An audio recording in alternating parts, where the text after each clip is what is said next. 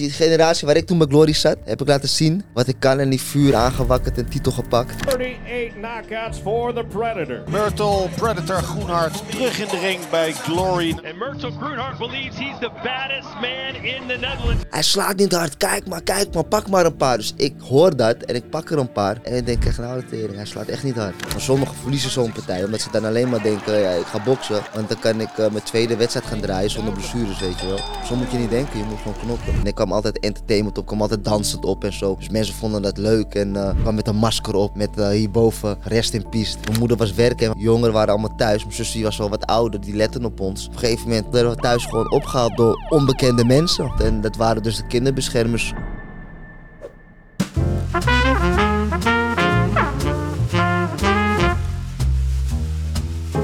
Goed dat je er bent. Ja. Ik heb een eerste vraag die mij eh, heel erg prikkelt. Want jij zei in een interview zei je dat een van jouw eh, eerste grote overwinningen en je favoriete gevechten was in, wat was het? 2012 uit mijn hoofd. Eigenlijk niet uit mijn hoofd, staat hier.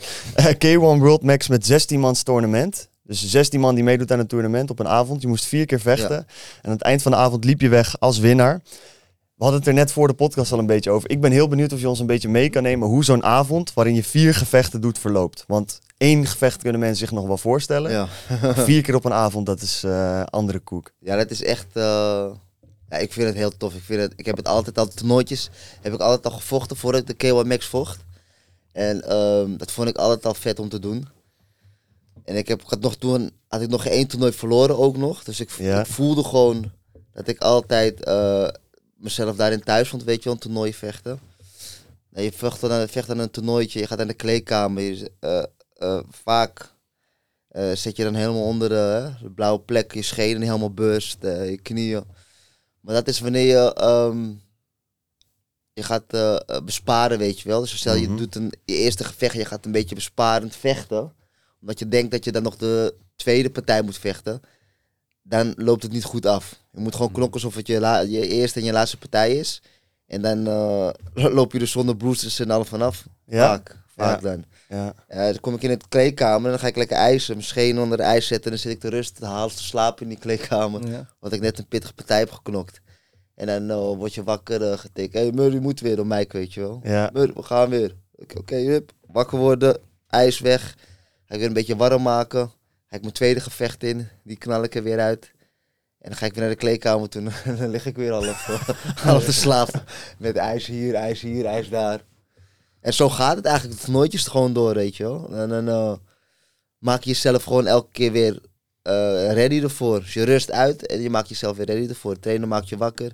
Soms blijf je gewoon wakker, want soms moet je al eerder. Want dan valt er een snellere knock-out of zo op de avond. Ja. Dus dan moet je al eerder.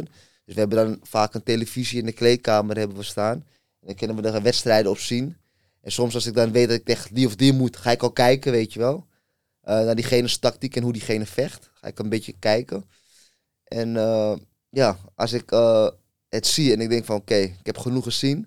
En dan eh, ga ik naar de kleedkamer ga ik me voorbereiden. Ja. Dan ja. gaan we de finale in en dan beuken we die ook even in elkaar. Kijk, kijk. Zo Want- zit ik er. Je zegt tussendoor ga je even slapen. Soms ja. Ik kan me niet voorstellen dat je dat überhaupt daar voor elkaar krijgt. Want het is één grote hectiek. Je hebt net gevochten, je moet straks weer. Hoe krijg je die zenuwen dan genoeg? Of zijn er geen zenuwen? Ja, dat zijn er altijd. Maar het zijn goede zenuwen, hè. niet te vergeten. Het zijn goede zenuwen zijn het. En die moet je gaan kanaliseren naar scherpte op een gegeven moment. Maar die zenuwen eh, dat je krijgt, ehm, op een gegeven moment kom je in de kleedkamer terecht. En dan heb je spanning en zenuwen, alles heb je gehad eh, van de wedstrijd. Al de mensen om je heen, van de weging, alles erop en eraan. En die vecht je allemaal eruit. Je eerste partij heb je gewonnen, ga je naar de kleedkamer toe, is alle spanning al een beetje eruit. Ja. Dus dan denk je van oké, lekker, die spanning is weg. Ik heb geknokt.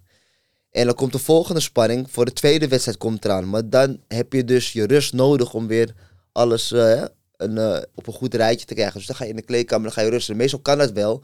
Soms ben je nog wel aan en ben je hyper voor de volgende tegenstander. ligt eraan wie het is. Ja. Ja. Weet je wel, als je denkt van oké, dit wordt een lekker gevecht, wordt een pittig. En dan, dan kan je niet zo snel pitten.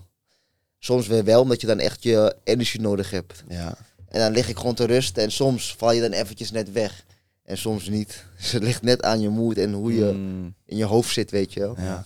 Denk dat je dan ook in de flow komt. De, inderdaad, Want je ja. hebt die wedstrijd, de eerste spanning heb je al een ja, keer gehad. Ja. Weet je, dat is ook altijd met... Gewoon als je iets spannends gaat doen. Als je gaat presenteren, Bijvoorbeeld, en je hebt de eerste presentatie al gehad. De tweede denk je, ja, kom maar man. Kom maar op, Weet ja, je, je, zit al, je hebt het al, Ja. die, die eerste spanning is Dat er vanaf. vaak gehad. En dat had ik dus bij K1 Max had ik dat. Want er zaten allemaal monsters in gewoon. Dus je had eh Shiro Kido had je, is een Japanner, is een goede vechter. Artur Kiyoshenko zat erin. Er zat Mike Zambide zat erin, is een eh, Griekse jongen. Was altijd, die heeft altijd bij K1 gevochten. K1 Max, maar was een sterke tegenstander. Wat dat, die sloegen ze allemaal neer, jongen. Die Mike Zambides. En had je Andy Sauers zat erin.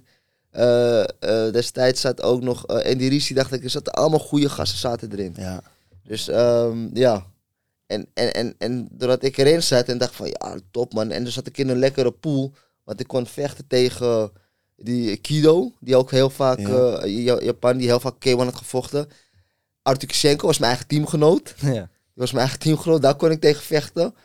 En, en die, en die Sauer kon ik tegen vechten. Dus al die gasten, dat ik graag op mijn, op mijn lijstje wil hebben, kon ik tegen vechten. Dus ik was daar niet van ehm, met die instelling van shit man, eh, wat als ik dit krijg, als ik dat krijg. Nee, ik was er echt met een instelling van yes, ik hoop dat ik tegen die mag en die mag. Dan heb ik tegen die gevochten, weet je, Ja. voor mijn legacy. Ben jij altijd druk en heb je weinig tijd om te koken? Probeer Fuel Your Body voor gezonde, betaalbare maaltijden. Ga naar fuelyourbody.nl slash lotgenoten en probeer het uit. En je eigen teammate, hoe is dat dan? Want jullie zitten waarschijnlijk een beetje... Ik weet niet of je in dezelfde kleedkamer ook zit. Ja. En dan op een gegeven moment eh, lig je soort van naast elkaar te slapen, zeg maar, bij wijze van spreken. Ja. Omdat je straks gaat knokken. Ja. Hoe verandert die dynamiek op een gegeven moment? Als je weet, oké, wij staan tegen elkaar. Of valt het wel mee?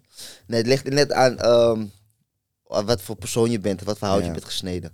Want op een gegeven moment eh, won ik, hij won. En wat denk je? Op een gegeven moment zaten we in de finale. Artur Kushenko en ik. Trainen samen, sterker nog, we woonden ook samen. Ja? Mm. Ja, Wow. want Mike had een, eh, een huisje vlak bij de sportschool. En daar mocht ik dan in. Dus ik ging eh, vroeg uit huis al. En toen kon ik in het huisje eh, dat Mike voor me had geregeld, vlak bij de sportschool. Dus had ik geen smoes om te laten komen. en eh, hij verbleef daar ook in. Dus we waren een beetje, ook wel een beetje grapjes, maar ook voelde je wel een hè, bepaald sfeertje natuurlijk. En ik ben heel relaxed persoon, mij kan alle kanten op. Dus ik was gewoon trainen samen, dit en dat. En je merkte wel op een gegeven moment tijdens het trainen dat hij een beetje, zijn eigen dingetje deed en zo. En dat hij een beetje, ook met sparren soms, merkte hij bepaalde dingen. Op een gegeven moment niet meer met me wou sparren of dat hij... Dus dat merkte hij wel een beetje. En op een gegeven moment, ehm we komen in de finale terecht. Ik had gewonnen, hij had gewonnen, we zaten in de finale. En eh het geloof je niet, op een gegeven moment Mike, die zegt van jongens, eh, die komt gewoon naar ons toe, weet je wel, en zegt luister, jullie trainen allemaal, allebei bij mij. Ik ga jullie, tijdens dit partij ga ik jullie niet coachen. Dus als jullie goed hebben opgelet tijdens mijn trainingen en degene die de meeste uren heeft gemaakt, die zal uiteindelijk de partij weten te winnen. Doe gewoon jullie ding, ga gewoon lekker knallen en het komt goed. Dat waren Mike's woorden. Is hier in het publiek gaan zitten. Hij was weg. Geen coaching, geen niks, hij was weg.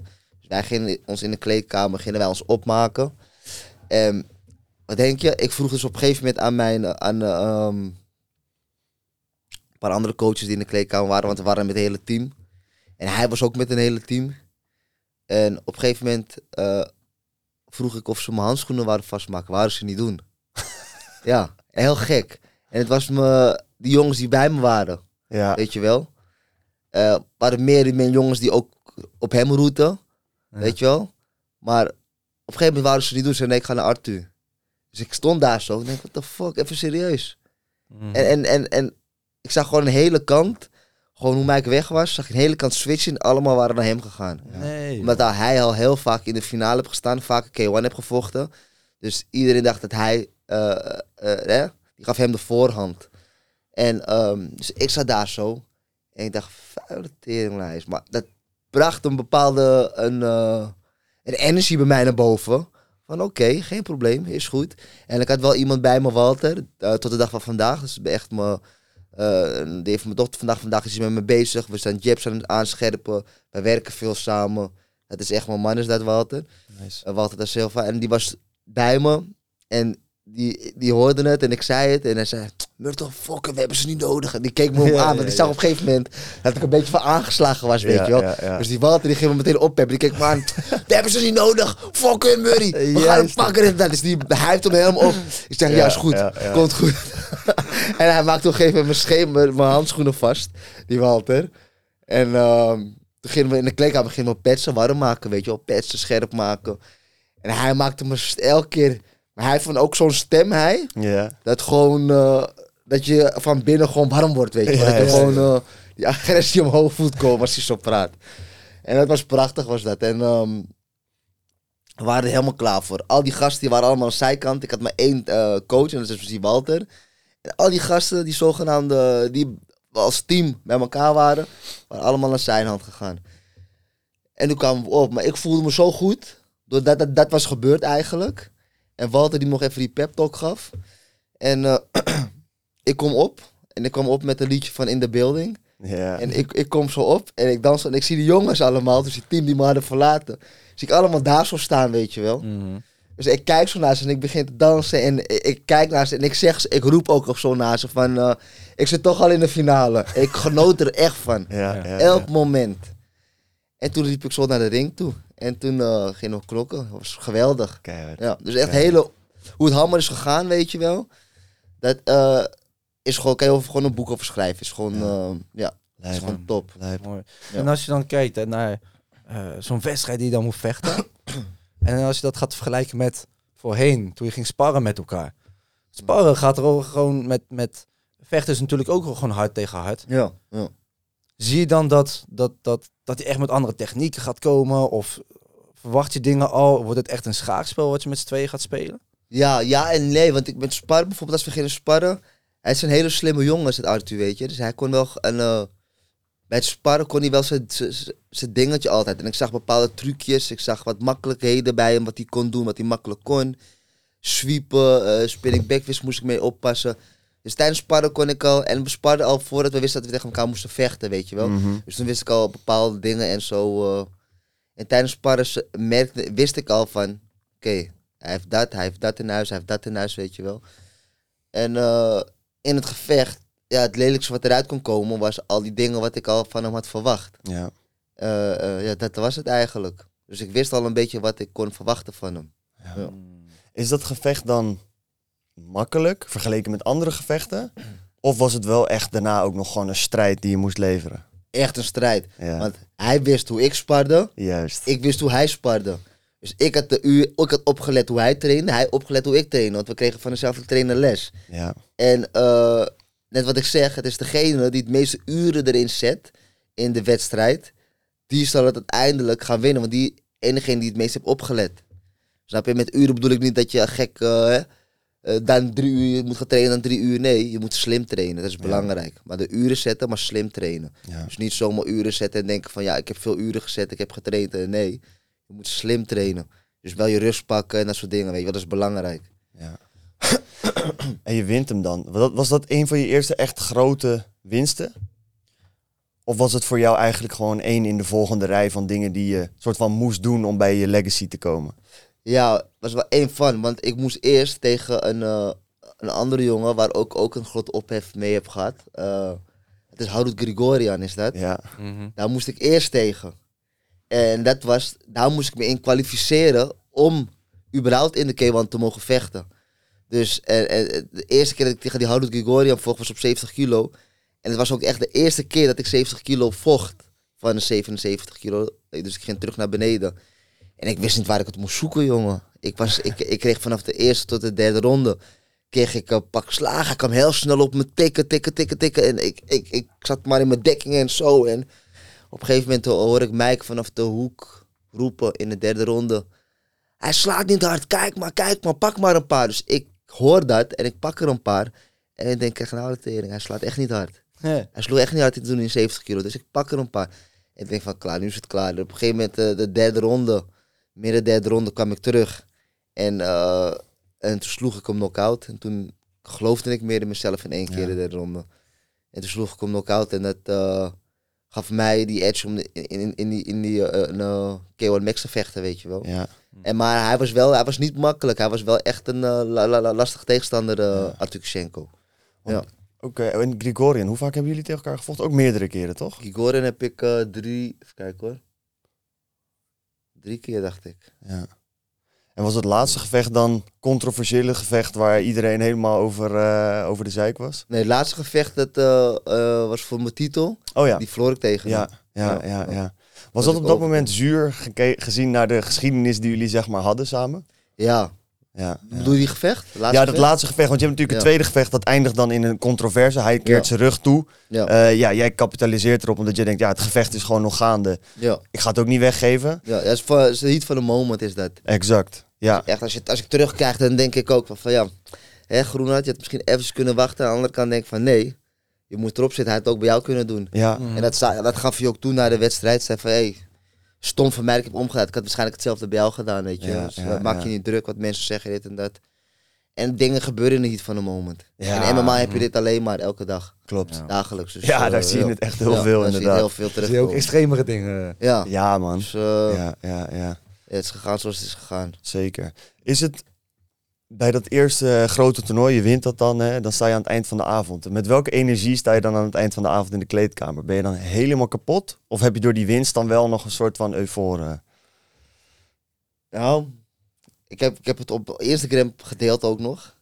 Je bent helemaal kapot. Ik zat op een Ja. gegeven moment een foto op Instagram gedeeld. En dan zat ik in de kleedkamer. En eh, er was een filmpje, was het, dacht ik. Er is me gefilmd. En dan ging iedereen helemaal blij voor me. En ik zat in de kleedkamer. Ik zat in de douches. Met een stoel. de douche. Zo op me. En ik zat helemaal zo. En we zijn wij allemaal filmen. En ik, eh, ik was helemaal kapot. helemaal eraf. Ja, man. Ja, man. Is het, niks dan, meer... eh, is het dan ook zo dat je ook nog... Want kijk, het eerste gevecht, oké, nou, dan ga je jezelf weer oppompen. Hè, tweede gevecht, oké, heftig. Maar dan moet je jezelf weer oppompen. Derde gevecht. ja. Merk je ook echt dat keer op keer... dat die gevechten heel anders worden dan je gewend bent... omdat beide vechters gewoon helemaal leeg zijn? Ja, ja zeker. Het is, je komt steeds iets dichter bij jezelf. Ja. Je vecht eerst, vecht je gewoon, eh, eh, weet je wel, je kan het. Eh, je hebt er hard voor getraind, je gaat vechten, vechten. Maar steeds iets meer, elke partij kom je meer bij jezelf van hoe graag wil je het. Snap je?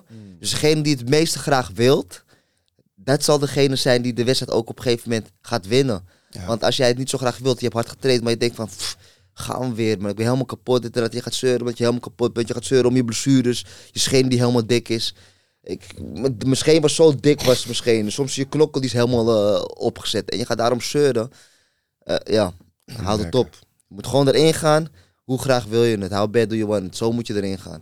Heb je wel eens belangrijk. gezien aan een vechter waar je dan tegen stond in bijvoorbeeld zo'n derde gevecht, dat je hem op ziet lopen en dat je eigenlijk al merkt, denk Ja. dat het er bij hem niet meer Ja. in zit. Als ik bijvoorbeeld een loopkick geef en ik zie hem eh, eh, inderdaad zo doen of zo, weet je wel. Ja, Dan denk ik van, weet je wel, ik heb last van mijn schema, deze ga ik krijgen. Pam, gooi ik hem nog een keer erop. En dan ga je weer, hup, hup, gooi je nog eentje erop.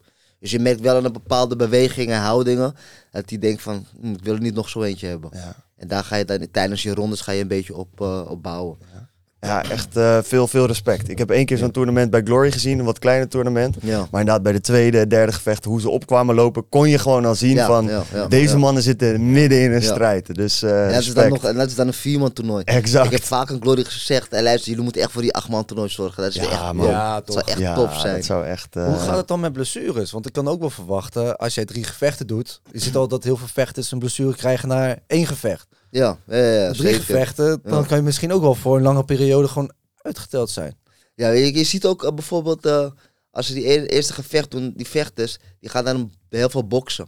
Omdat ze niet Ja. eh blessure in de schenen willen. Dus gaan ze hun spel helemaal veranderen, gaan ze veel boksen. En het is stom. Sommigen komen er eh, goed uit, maar sommigen verliezen zo'n partij. Omdat ze dan alleen maar denken, ja, ik ga boksen. Want dan kan ik eh, mijn tweede wedstrijd gaan draaien zonder blessures, weet je wel. Mhm. Zo moet je niet denken, je moet gewoon knokken. ja. Anders gaat dat niet goed. Ja, je had in augustus had je ook die winnaar. Op die kaart volgde jij volgens mij ook eh, bij Glory afgelopen augustus. Die Azerbeidzjan. Ja, Nou, die, eh daar spoot bloed uit zijn voet. eh, alsof die een fontein was. Ja. Toen dacht ik ook, ja hij was heel... bent eh, wel al ingegaan. ja, ja, die moest tegen die Mohamed moest. Hij was heel weet het was hij. Ja, man, ja, hij was echt intens. Ja. Hey Myrtle, je gaf in het begin al aan dat je vanaf dat je begon met wedstrijden doen, je tournament al heel tof vond. ja. Ik heb natuurlijk best wel wat research gedaan. Er is een hoop over jou te ontdekken. Oh. Als, ik denk een van de grotere namen in Nederlands kickboksen. Je hebt een hoop gedaan. Dankjewel. Maar wat ik nergens kon vinden. Hoe ben jij in kickboksen gerold?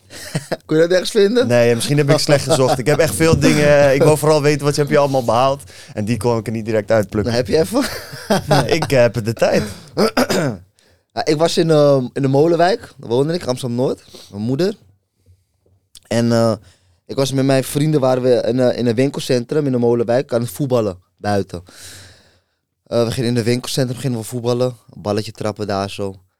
En eh, ja, af en toe kwam wel een balletje tegen een karretje aan of zo. Hij ging er gewoon lekker door met voetballen. Op een gegeven moment was er een man en die zei... eh hey, luister jongens, want we trapten de bal tegen zijn karretje aan. Zij zijn allemaal hier aan het boodschap, mensen zijn hier boodschapplannen doen. Waarom gaan jullie niet even lekker buiten voetballen, weet je wel? En waaronder onze reactie was van, wat moet je nou man, buiten voetballen? We voetballen waar we willen. En toen kwam er een soort woordenwisseling met die man. En toen zei die man van, luister, ik heb hier verder op een sportschool. Als jullie allemaal zo'n grote mond hebben, waarom komen jullie niet die kant op? Hij is goed, komen eraan. Zij gaf ons adres, we wisten precies waar we moesten zijn. Ehm gingen we nog even naar de buurt. Hadden onze matties gezegd, weet je, onze vrienden. 15 man gingen we die kant op. Met 15 man, hè? Ja. Ja, Hoe oud die was kant je? op. 15. 15 jochies. 15 jaar, ja. 15 jochies gingen we die kant op. En ehm, onderweg die kant op, weet je wel, eh, een beetje opscheppen. Zo gaan we geven, zo, zo. We komen daaraan. eh we zien die man. We luister, daar is de kleedkamer. Gaan jullie maar omkleden? Daar gingen we ons omkleden. Daar heb je eh, bak met handschoenen. Hadden we alleen, alleen handschoenen, weet je wel. En dan gingen we staan en hij had ook zijn handschoenen aan. Ja, kom maar, wie als eerst? Allemaal komen. En dan gingen we één voor één gingen we tegen die man sparren. ja, ik luister, ik kan herinneren, we sparren met die man. Op een gegeven moment, eh, ik gooi, gooi hem stoten, jongen, erop los. Hij ontweek ze. En ik zie hem zo op me afkomen met die rechte stoot. Dus ik kijk zo en ik ren, jongen. Ik heb die zaal ingerend, jongen. Ik zweer het, je. Sinds die dag was ik verliefd op, eh, op kickboksen. Keihard. En die man in die winkelcentrum met het karretje, dat was Mike.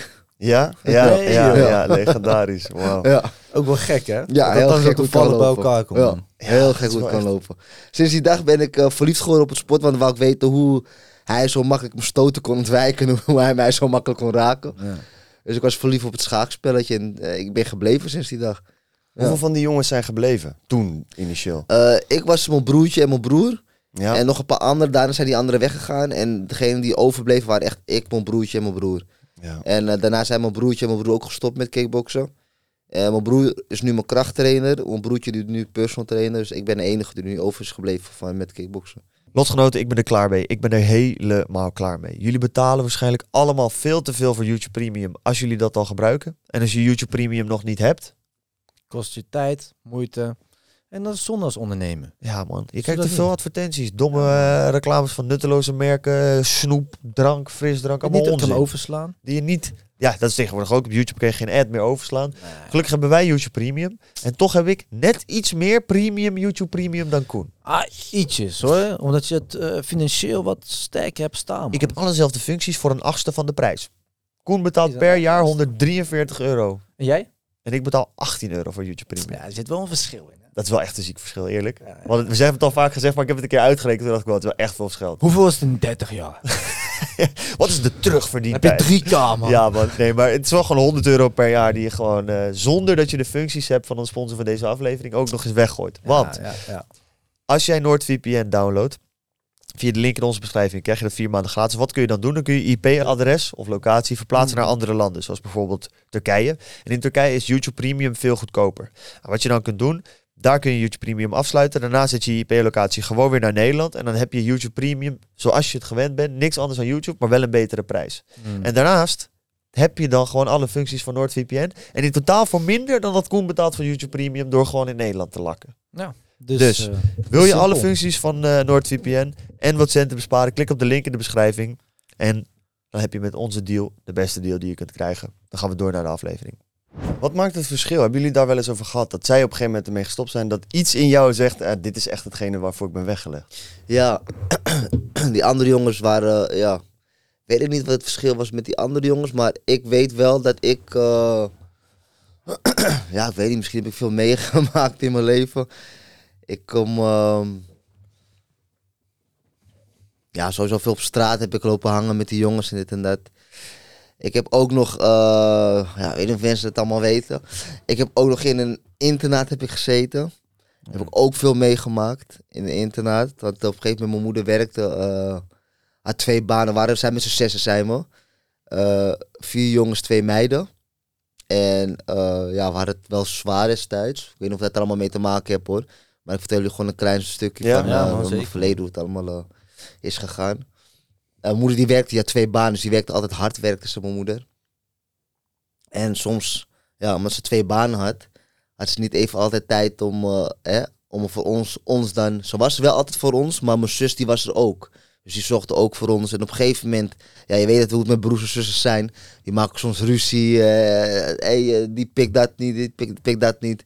Ruzies. En mijn moeder die was werken. En op een gegeven moment hadden we een buurvrouw, buurman. En die belde op een gegeven moment... politie of de kinderbeschermer belde of op gegeven moment of zo. Met mijn moeder was werken en wij, waren allemaal met hè, jongeren waren allemaal thuis. Mijn zus was wel wat ouder, die letten op ons en mijn broer. En op een gegeven moment werden we gewoon opgehaald. Werden we thuis gewoon opgehaald door, door, door onbekende mensen. Werden we gewoon opgehaald. En dat waren dus de kinderbeschermers, eh, bleek. Maar ik was altijd iemand geweest. ik, had altijd, eh, was altijd stilletjes, was ik. Dus ik was vroeger altijd stilletjes. Ik zei nooit wat. En eh, als ik wat zag, ik observeerde altijd. En later kwam het eruit. Ik was een soort opkroppen was ik. Maar misschien heeft het dat, door dat is het door dat gekomen. Heeft dat me gevormd. maar dan kwam een man in één keer thuis. Deur ingetrapt, eh, licht schijnen. En ehm namen ons gewoon mee in busjes. Heel Heftig. raar. Ja. ja. Heel raar. Dat was destijds was het echt. Die namen ons gewoon mee in busjes. En eh, omdat we wat luidruchtig waren, weet je wel. Mhm. En eh, ja, die namen ons gewoon mee in een busje. En die namen ons mee naar eh uh, Macandra heette dat toen destijds. En dat was een kinderthuis. Namen ons die kant op. En mijn moeder die ehm, kwam thuis en die was natuurlijk over de zeik. Die wist niet waar we waren. Politie bellen. En toen kwam ze erachter waar we waren. En dacht, hoe kan het dan, dit en dat.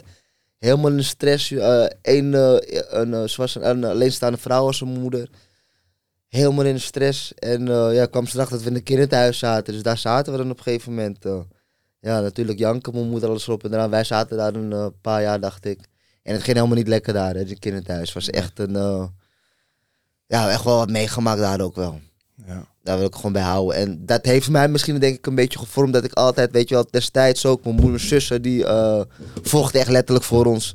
En toen heb ik ook echt leren vechten voor mezelf. Ja. Toen ik daar was in het kinderthuis. En, en een paar jaar later kwam ik wel eruit, natuurlijk. Maar ik heb toen wel echt eh, bepaalde dingen voor mezelf geleerd, weet je wel. Ook eh, hard zijn voor mezelf. En eh, doorzetten. Van welke leeftijd tot welke leeftijd zat je daar dan in?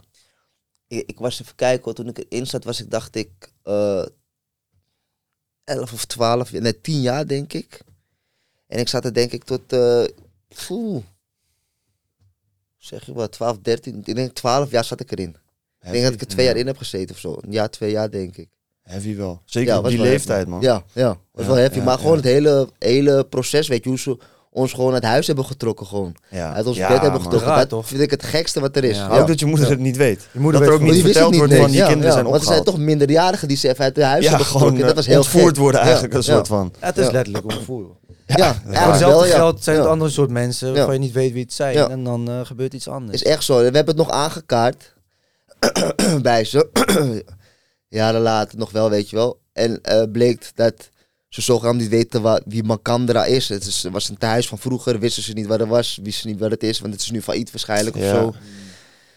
En er is niks meer over te vinden. Dus het was een heel raar verhaaltje was dat. Maar we hebben er wel Ja. even een paar jaar gezeten, jongeren. Ja, man. Ja. Ik vond het wel heel raar. Ja. Maar ja, dus zo is het een beetje gegaan. En dat heb ik een beetje... eh, Is er een heel groot gek. Dus de verschil? eerste keer dat ik het over heb... Ja, daar Ja, hebben we het delen, man. Ik heb het nooit over dit soort dingen. Nee, de eerste keer dat ik het over heb. En Is er en- een groot verschil tussen jou als persoon daarvoor en daarna? Ja, ik denk, ik denk dat het toch maar wel dat stukje, want ik voel me toch wel getriggerd nu, moet ik ja? zeggen. Ja. Ik denk dat dat stukje dat waar we het nu over hebben, dat het toch wel een beetje eh, heeft gevormd in, mijn, in de loop van de jaren, weet je wel. Ja. Na een, eh, sinds ik wat ouder ben geworden op de middelbare school, na 15 jaar. Dat heeft me toch wel een beetje gevormd, merk ik. Ja, Tuurlijk, dat Ja, snap ja, ik. ja, Of ja. je nou, eh, om heel veel simpel, simpel te zeggen, je zit veilig thuis. Of je zit daar waar een soort van altijd oplettendheid moet zijn, alertheid. Ja, Ja. bro, dan, dan op zo'n jonge leeftijd, tien jaar, dan word je wel echt gekneed op dat Ja, moment. ja, is echt zo hoor. Ja, ja, ja, Was je wel is met je, met je broer dan? En met je broertje? Ja, maar op een gegeven moment, omdat we zo... Kijk, wij hebben broers en mijn zussen en mijn broers. Wij zijn echt dit. We zijn Mhm. één hand op één buik. Dus we waren altijd samen. Ja. Als we ruzie hadden, dan had je niet ruzie met één, maar had je ruzie met vijf anderen. Ja. Dus dat was echt zo. Ja. Dus op een gegeven moment waren ze ons uit elkaar halen. En dat probeerden ze. Maar wij bleven bij elkaar. En eh, op een gegeven moment zetten ze ons gewoon bijvoorbeeld buiten in de regen, weet je wel. Zo, zo erg was het gewoon. Omdat ze ons echt uit elkaar waren halen. Dus ze hebben echt wat dingen met ons gedaan. Dat ons vroeger wel echt... eh dat ons wel echt heb gevormd. Ze waren wel echt heavy, waren ze. Ja. En wij probeerden echt bij elkaar te blijven. Want wij, eh, ja, wij wouden niet uit elkaar gaan. Nee. En dat eh, was toch wel moeilijk voor hun, maar ook eh, voor ons, omdat ze echt hun best deden. Ja. Wel mooi dat jullie zo naar elkaar toe trokken. Ja, ja, ja. ja. En je gaat daarna dan op je 15e, kom je die gym binnen. Voelt dat dan op dat moment ook als een soort van thuiskomen? Als een plek waarvan je dacht, hé, hey, dit is, vult een bepaald stukje in mij dat ik niet wist dat ik zocht? Ja, want ik had, een, ik had een thuis nodig. En ik had die wel gekregen, weer die thuis. Want op een gegeven moment eh, ging het daar dan niet goed. Weet je wel, omdat we dus van de internaat kwamen en zo. We gingen bij mijn moeder en mijn vader. eh, ehm, die wilden dan op zich nemen, weet je wel, dat mijn moeder minder last had. Dus toen- die nam mij, mijn broertje dan weer in huis. Ja. En eh, ja, dat ging ook niet. ja, het ging wel be- iets beter, omdat ik. ja, iets beter, wat wil ik zeggen? Iets beter, weet je. Ik miste mijn moeder, maar ik had dan iets meer een soort vastigheid, weet je wel. Had ik. Maar ik miste mijn moeder wel. Ik kon daar eventjes niet komen, omdat ik dan moest wennen aan dat mijn vader en zijn vriendin. Dus wat deed ik? Eh, ik ging dan gewoon naar school stiekem langs mijn moeder toe. En dan was ik dan wel weer daar, weet je wel. Dus het waren allemaal van die dingetjes had het. En op een gegeven moment eh, kwam ik dus Mike tegen, het hele verhaal. En hij zorgde dan wel voor een bepaalde thuis voor mij. Ja. Want ik was op een gegeven moment bij hem gekomen, 15 jaar. En ik ging dan elke dag na mijn werk. Want ik deed dan wel weer mijn best op, probeer op school te doen. En ik had dan een vaste baan, weet je. Ik was loodgieter. Vanaf mijn 15e tot, tot mijn 20ste. Had ik een vaste baan bij eh eh, eh, Smalls heette het toen. Het is nu Avdink geworden. En elke weekend, dus elke vrijdag. Nou, laten we zeggen, elke weekend, zaterdag had ik een gevecht en maandag had ik een snipperdag. en dan kwam ik dinsdag op eh, werk aan met mijn benen half in, in de tuin. Ja. Dus die dachten, wat heeft hij nou gedaan? Die kwamen later, werd ik bekende en toen kwamen ze erachter dat, eh, dat ik een kickboxer was. Dus uh, zodoende een beetje. Dus, dus Mike zorgde wel een beetje voor een thuis, weet je wel, een thuisbasis. Ja. Dus ik had daar mijn ding, ik had na het werk ging ik, eh, kwam ik thuis, snel eten en dan ging ik naar de sportschool. Dat waren mijn, mijn routine voor de laatste komende jaren, weet je wel. Vanaf mijn vijftiende tot mijn twintigste. Want op een gegeven moment toen ik twintig was, zei ik tegen mijn baas eh, van luister, ik eh, ga stoppen met werk. Ik ga eh, professional kickboxer worden. Ja, toen kreeg ik sponsor en die sponsorde mij 600 euro destijds in een maand. En ik verdiende met mijn werk, loodgieterswerk, iets van 12, 1300 euro of zo. Ja, man. Dus het was veel minder, maar ik wist dat ik erg dat ik iets zou worden. Dus ik heb het eh, eh, een voor lief genomen. Ik heb die 600 euro genomen. Hij sponsorde me elke keer. En ik kon wel elke keer trainen en doen. Ja. Dus eh, ja, zo is het eh, Nice. zo gegaan. Dat Ja. is echt die grind die je aan het begin moet hebben. man. ja, ik had die grind. Ik had die Ja, man. vaste mentaliteit, weet je wel. En dat heeft allemaal eh, vanaf het begin gekomen. Waarin ze dachten, zeiden dat ik niks zou worden. En waarin ze, hè, dat stille water, diepe gronden waar ik het net over had, weet je wel, waarin we zaten. Het heeft toch een bepaald iets voor me gevormd. En ook op een gegeven moment dat ik naar Mike ging en dat hij mij... Hij, is ook wel een vaderfiguur voor me geweest, Mike, weet je wel. Hij heeft mij toch eruit vanaf mijn vijftiende van straat weten te halen en hè, met me praten en zo. Dus dat heeft mij ook wel gevormd. Ja. Ja. Hoe snel ga je helemaal in dat vechtersleven? Want je bent 15, dan kom je daar voor het eerst. Hoe snel is het dat je zegt van ja, ik ga echt vier, vijf keer per week trainen en het echt serieus nemen? Niet snel, want je, zit op een gegeven moment ben je 15, je zit erin. Je bent gewoon aan het trainen. Heel Ja. simpel. Ik ben gewoon aan het trainen. Ik ben gewoon mijn dingen aan het doen. En ik vind het leuk. Mhm. Sportschool. Dus ik kom. Ik vind het leuk. Trainen, sparren. Mike is daar, die heeft zijn gezellig Amsterdamse humor. Weet je wel. Ah, ah, ah, ah, je lacht van... eh, je duizenden. Hij is gewoon een topgozer is dat. En dan ben je daar zo. en dan voelt gewoon echt als een thuis. dus je gaat met plezier elke keer van je werk naar daar. Naar je tweede thuis. Juist. En op een gegeven moment, voor je het weet, eh, krijg ik in één keer een envelopje van hem in mijn hand. Ik, eh, ik ben aan het wet trainen. Ik vecht mijn wedstrijden. Dat is allemaal gezellig. Hè. Na de wedstrijden gaan we naar de driesprong. Gaan we daar even lachen. eh, soms eventjes een, een watertje, 7-upje drinken. Ja. Tot ik stiekem eventjes een klein vodkaatje drinken. Zonder dat hij door heeft, weet je wel. Ronald. Ja. Geef die glasjes van je. Was een 7-up. Ah, Oké. Weet je, in het begin. Zo- Dus ik moest zo scherp blijven bij die man. Ja, ja, ja. Maar, eh, dus op een gegeven moment eh, heb je die thuisbasis, weet je wel. Kreeg ik die envelopje, kreeg ik op een gegeven moment in hand. Ik, Wat is dit? Dus dat heb je verdiend, jongen, van al je harde werken. Maar als ik eh, vanaf, je hebt uh, nieuwelingklasse heb je. Dan krijg je C-klasse. Dan krijg je B-klasse en dan krijg je A-klasse. A-klasse is waar ik nu ben, dan ben je professioneel. Ja. Op een gegeven moment eh, eh, was ik B-klasse, kreeg ik die envelopje dus. Dus ik wist niet wat het was. Want ik was geen zomer plezier. Ging ik elke keer naar de sportschool en wedstrijden doen. Ik wist nooit dat ik daar geld mee kon verdienen. En, en dat onderscheidt ons van de jongens van nu, denk ik. Want vroeger deed je het met plezier en dan ging je hard werken, ging je trainen. En op een gegeven moment kon ik er geld mee verdienen. Dan dacht ik van, hé, wat is dit nou? En zei van, nou ja, dat heb je verdiend, jongen. Je, gaat nu geld verdienen. Nu word je een mannetje. Oh, echt? Ik zei, ja, vanaf nu ga je alleen maar geld verdienen. Ik zei, meen je niet? Ik zei, ja. Hey, toen ging ik hard, hè. Ging ik eh, gas geven. En, en toen vocht ik dus ook vanaf toen... eh, ehm, kreeg ik altijd meer geld dan je no- normale B-klasse moet krijgen. Omdat ik zo eh, een... ja, toch wel leuk was om, om, om, om te zien vechten, weet je wel. Ik bracht het en ik kwam altijd entertainment op, ik kwam altijd dansend op en zo. Ja, ja. Dus mensen vonden dat leuk en kwam met een masker op, met hierboven rip, rest in peace. Dus ik was altijd was ik van de intimidatie al Ja, van ja, jonger ja. of jaren aan. Eh, dus eh, en op een gegeven moment eh, vocht ik toernooitjes en die toernooitjes won ik en ik kreeg lekker geld in mijn hand geschoven en dat, dat vond ik altijd lekker. En nu, wat je nu ziet met die vechters, is dat nu eh, weten ze al dat je geld ermee kan verdienen. Dus nu is het anders. Ze willen snel eh, stappen gaan overslaan, weet je wel. En wij deden eerst kruipen, dan kan je lopen, dan kan je... en Zo, zo ging het toen. Maar nu willen ze al gaan vliegen. Ja. Dus nu willen ze die stappen over gaan slaan. Wat jou eigenlijk, eigenlijk tot toppen gaat maken. Ze willen de nieuwe klasse, willen ze bijvoorbeeld vijf partijen draaien. C-klasse willen ze minder partijen gaan draaien. Zodat ze snel bij de B-klasse komen en de A-klasse. En dan geld gaan verdienen. En dan geld gaan verdienen, ja. Maar vroeger vocht ik gewoon een stuk of eh, 15 eh, nieuwklasse, 15 C-klasse. En op een gegeven moment wouden ze me niet meer in de C hebben. Dan zei je, je moet nu echt naar de B-klasse gaan. Nou, dan ging ik naar de B-klasse. En daar vocht ik weer eh, iets van 20, 25 B-klassen. Tot ze op een gegeven moment zeiden van, omdat ik ook zoveel toernooien had gewonnen. Ja, je kan hier echt niet meer blijven, je moet door. Nou, dan ging ik weer naar de A-klasse. En toen eh, ja, begon ik eh, echt geld te verdienen. Ja. Oeh, boeken lezen duurt achterlijk lang. Soms doe ik er een maand over om één boek uit te lezen. Gelukkig heb ik een snelle hack, waardoor jij drie keer sneller kunt lezen, zodat het makkelijk wordt om een boek per week te lezen. Want CEO's lezen hoeveel boeken per jaar, Koen? Eh, zoals je zeker, je weet zeker wat ze allemaal zeggen. Een CEO leest gemiddeld 52 boeken per jaar. En dat gaan we ook realistisch maken voor jou met iets heel erg moois. Zelfs voor de mensen die een hele trage lezer zijn, net als ik. Juist. En dat gaan we doen door een audioboek te luisteren. Mm.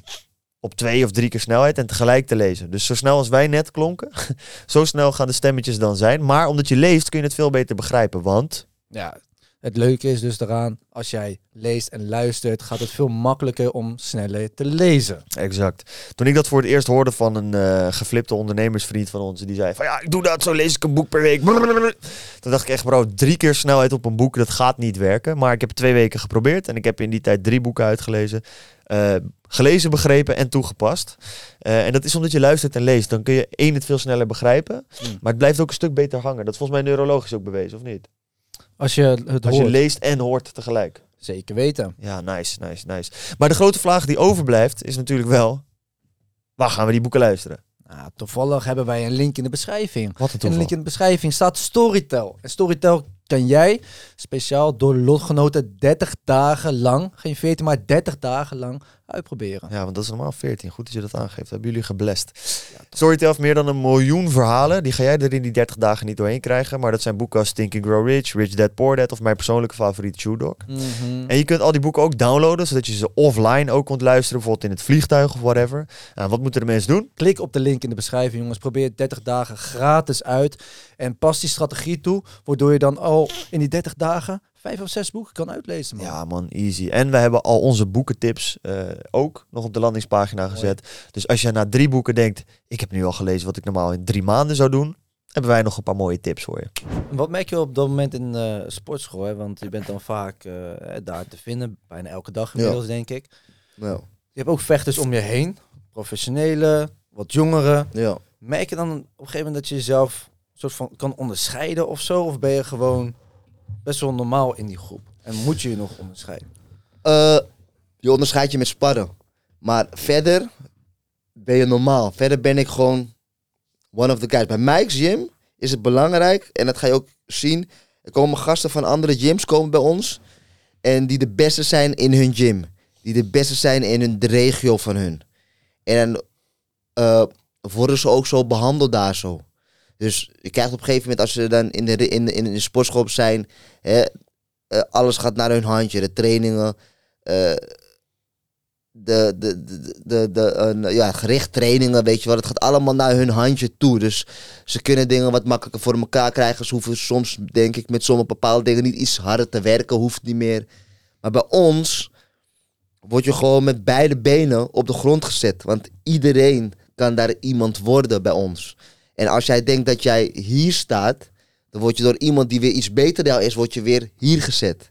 En zo, dat is belangrijk, want dan blijf jij met beide benen op de grond. Want als jij gaat knokken tegen wie dan ook, want wij knokken tegen iedereen wereldwijd, dan eh, every dog has his day. Je bent nooit de beste. Weet je, ene dag ben jij goed, de andere dag is die beter. Die moet altijd scherp blijven, dat is belangrijk. En, en, en je wordt, daar- bij ons word je niet onderscheid. Ja. Nee. Dus als jij bij ons komt, en het is vaak gebeurd, er komt er eentje die heel goed is daar, zo, die komt bij ons. En dan zie je meteen aan zijn manier van doen, dat hij denkt dat hij het mannetje is. Maar zodra hij bij ons is, dan word je daar Rustig. beide benen op de grond gezet. En dat is heel belangrijk. En ik ben zeker niet ehm, een, eh, weet je wel, wat je, het mannetje, ik wil zeker niet het mannetje zijn of zo. Maar ik wil, eh, ja, tijdens sparren, en ik ben wel iemand die een alfaatje is, om zo te zeggen, weet je wel. En we hebben meerdere alfa's in de gym die zichzelf wil bewijzen. En, en, en- dat mag ook. Op, op het moment van sparren, dat moet ook. Want je moet scherp zijn voor je gevechten, dat is belangrijk. En dat houdt je scherp, bepaalde alfa's. Dat houdt je scherp. Want dan wil jij weer eventjes laten zien van oké, weet je wel, dan heb je hem daarop te pakken, daarop te pakken. En dat houdt je een beetje scherp in de gym. Ja. Kan je een moment herinneren waarop jij misschien toen je jonger was, of misschien op een latere leeftijd, dat jij een beetje het moment had van, hé hey man, eh, ik ben eigenlijk wel die hele guy. Dat je in de gym komt en dat je echt eh, gewoon hem naar je toegekeerd krijgt van, jongen, doe nou maar relax, want Ja. dat is hem niet. ja, maar dat kan ik echt herinneren. het was denk ik, ik weet niet welke, ik, won, denk ik, ik won partijen achter elkaar in toernooitjes. Toen kwam ik op de gym en dan voelde, ik, me- voelde ik hem het mannetje, maar ik dacht dat ik normaal weet. Maar Melvin Manhoef trainde ook bij ons. Dus Melvin die kijkt me zo aan. En Melvin was destijds zijn toptijd. Hè? Helemaal rip, dit en dat. Ja, ja. Maar weet je wat het is? Ik sparde ook gewoon met die Manhoef. We, we beukten elkaar ook gewoon. Dus ik voelde me echt gewoon het mannetje. Want ik, ik, ik, ik, ik trainde. Het, bedoel, ik, ik, mijn wedstrijden die gingen top. Ik won ze, die toernooitjes en zo. En sparren ging gewoon top. Want ik had allemaal die monsters naast me. En als ik met Melvin ging sparren, ging ook gewoon lekker. Maar Melvin merkte aan mij dat op een gegeven moment dat ik het mannetje begon te doen. Dus Melvin die kwam naar me toe en zei van... Hé. Hey. Ik zeg, yo. Zei rustig aan doen, hè. Hè? Wat bedoel je? Zeg, nee, rustig aan doen. Niet, niet, niet gaan vliegen. Zegt hij zo. Zeg, vliegen, hoe bedoel je vliegen? Zeg, ja, ik- jij gaat niet naast je schoenen lopen. Niet gaan vliegen. Want als je gaat lopen vliegen, dan... Oef, dan schiet ik je en dan ga je weer naar beneden toe. dat zo deed hij het ook letterlijk, hè. Dus ik weet nog precies hoe hij het deed. Hij zei, als je gaat vliegen, hè, dan... Bam, schiet ik je en dan ga je weer met beide benen weer op de grond. Precies zo deed hij het. Ik zei, ik doe normaal toch? Ik zei, nee, nee, doe het niet normaal. Gewoon relax, doe niet naast je schoenen gelopen. Ik zeg, ja, ja, is goed, is goed. En toen realiseerde ik me dat ik rustig moest gaan doen. Ja. ja, ja. Want hij kon, op een gegeven moment ging hem ook wel sparren toen, weet je wel. Nadat hij dat had gezegd. En toen wist ik dat hij me wil pakken, jongen. Dan wist ik gewoon van dat hij me weer op de grond was zetten. En dan pakte hij me op mijn leverstoot. Hij gaf me een leverstoot, die klootzak. En die rib bij mij, die schot hier zo, poep, schot zo'n tikje van mijn rib eruit. Nee, Ja, maar zo, toen dacht ik van, ah, tering, jongen. Toen voelde ik hem, dacht ik, shit. Oké, maar nu weet ik het wel, is goed. Toen moest ik eventjes zitten. En toen eh, keek ik me zo aan, deed hij zo. Ja, jongen. toen dacht ik, teringlaaien. Dus toen moest ik eventjes mijn rib, uh, het duurde weer eventjes voordat die rib even goed was. Ja. En daarna ging hij weer hard knallen. Ja, maar man. toen wist ik wel van, oké, weet je, ik moet niet naast mijn schoenen gaan lopen. Nee, nee, Nee. nee, nee, dat was En, eh, snel ja, duidelijk. En, en dat is belangrijk. En, en, en dat is wel gaan voortbloeien, weet je wel. Dat jongens die in ons gym komen en die naast hun schoenen gaan lopen, die ze krijgen. Ja. Zo, ja. Ja, ja, ja, het is goed. Ja, dat is wel belangrijk. Ja, ja. Ja, ja, ja. Wel Ik heb het gevoel bij Meister Gym dat het ook, omdat er ook zoveel goede vechters al rondlopen, dat het ook op een gegeven moment, als je zelf dan hè, een stukje misschien talent hebt plus hè, de inzet, Ja, dat het dan ook makkelijker wordt om lekker mee te groeien. ja. Wat dat is belangrijk, hè? dat andere jongens uit, eh, uit hun eigen regio daar naartoe komen om dan weer verder te ontwikkelen. Ja, ja, ja, ja. Die jongens kunnen ontwikkelen, maar wij kunnen ook ontwikkelen. Want hun leren van ons, maar wij leren ook van hun, hè? Ja. Mm. Want ik, ben, ik, had, ik was eventjes weg uh, van mij. Ik had een MMA-carrière. En die ben ik op een gegeven moment gestopt. En toen ben ik weer terug bij mij gekomen. Ik moest weer alles opnieuw moest ik weer gaan, uh, gaan leren. Dus ik groeide op een gegeven moment met de tijd weer met die jongens mee. Dus ik kreeg op een gegeven moment gewoon, eh, gewoon, gewoon beating. En ik groeide op een gegeven moment met die jongens mee. Ik moest alles gaan leren. Mijn handen waren laag. Ik stond laag door het MMA. Dus ik moest weer, alles moest ik weer opnieuw gaan, eh, Ja, ja. gaan leren. Dus ja, dat krijg je, dat heb je wel bij mij. Omdat er zoveel jongens zijn.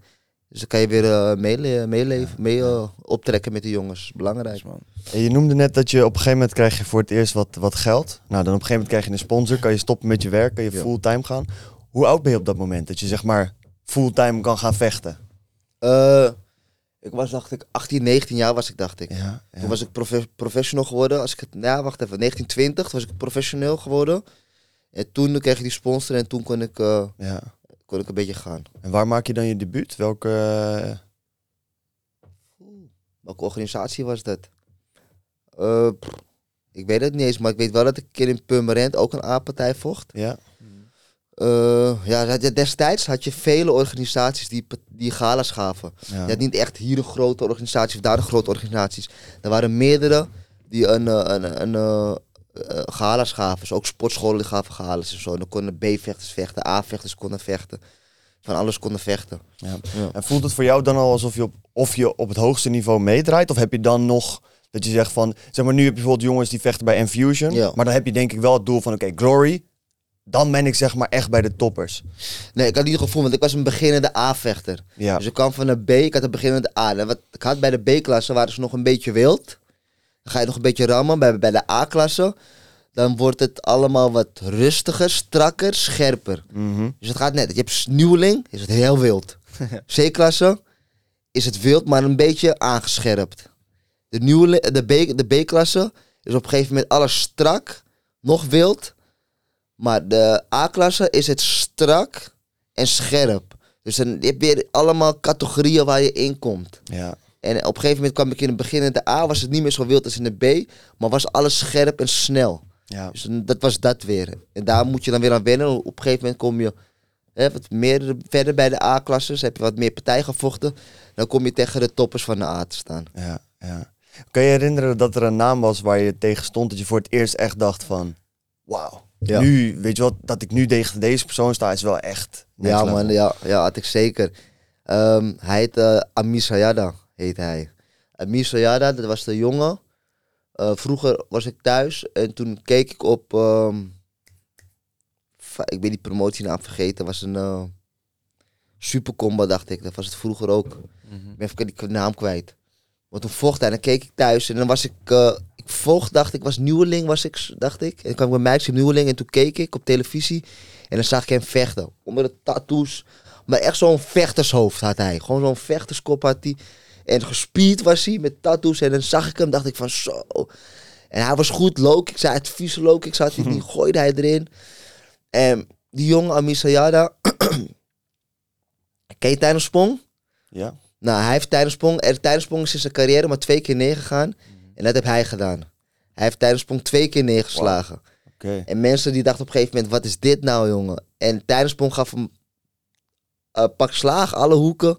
Werd overconfident, denk ik. En die, die Amicia die kwam door en die gaf hem stoot. En op een gegeven moment ging hij neer. Dat is hem twee keer gebeurd in zijn carrière tegen hem. En op een gegeven moment eh, vroegen ze mij om tegen hem te vechten in het zonnehuis. Dus Mike die komt naar me toe en zegt, Meur, je kan vechten dit weekend eh, in het zonnehuis tegen Amir Sayada. Hè? Amir? Serieus?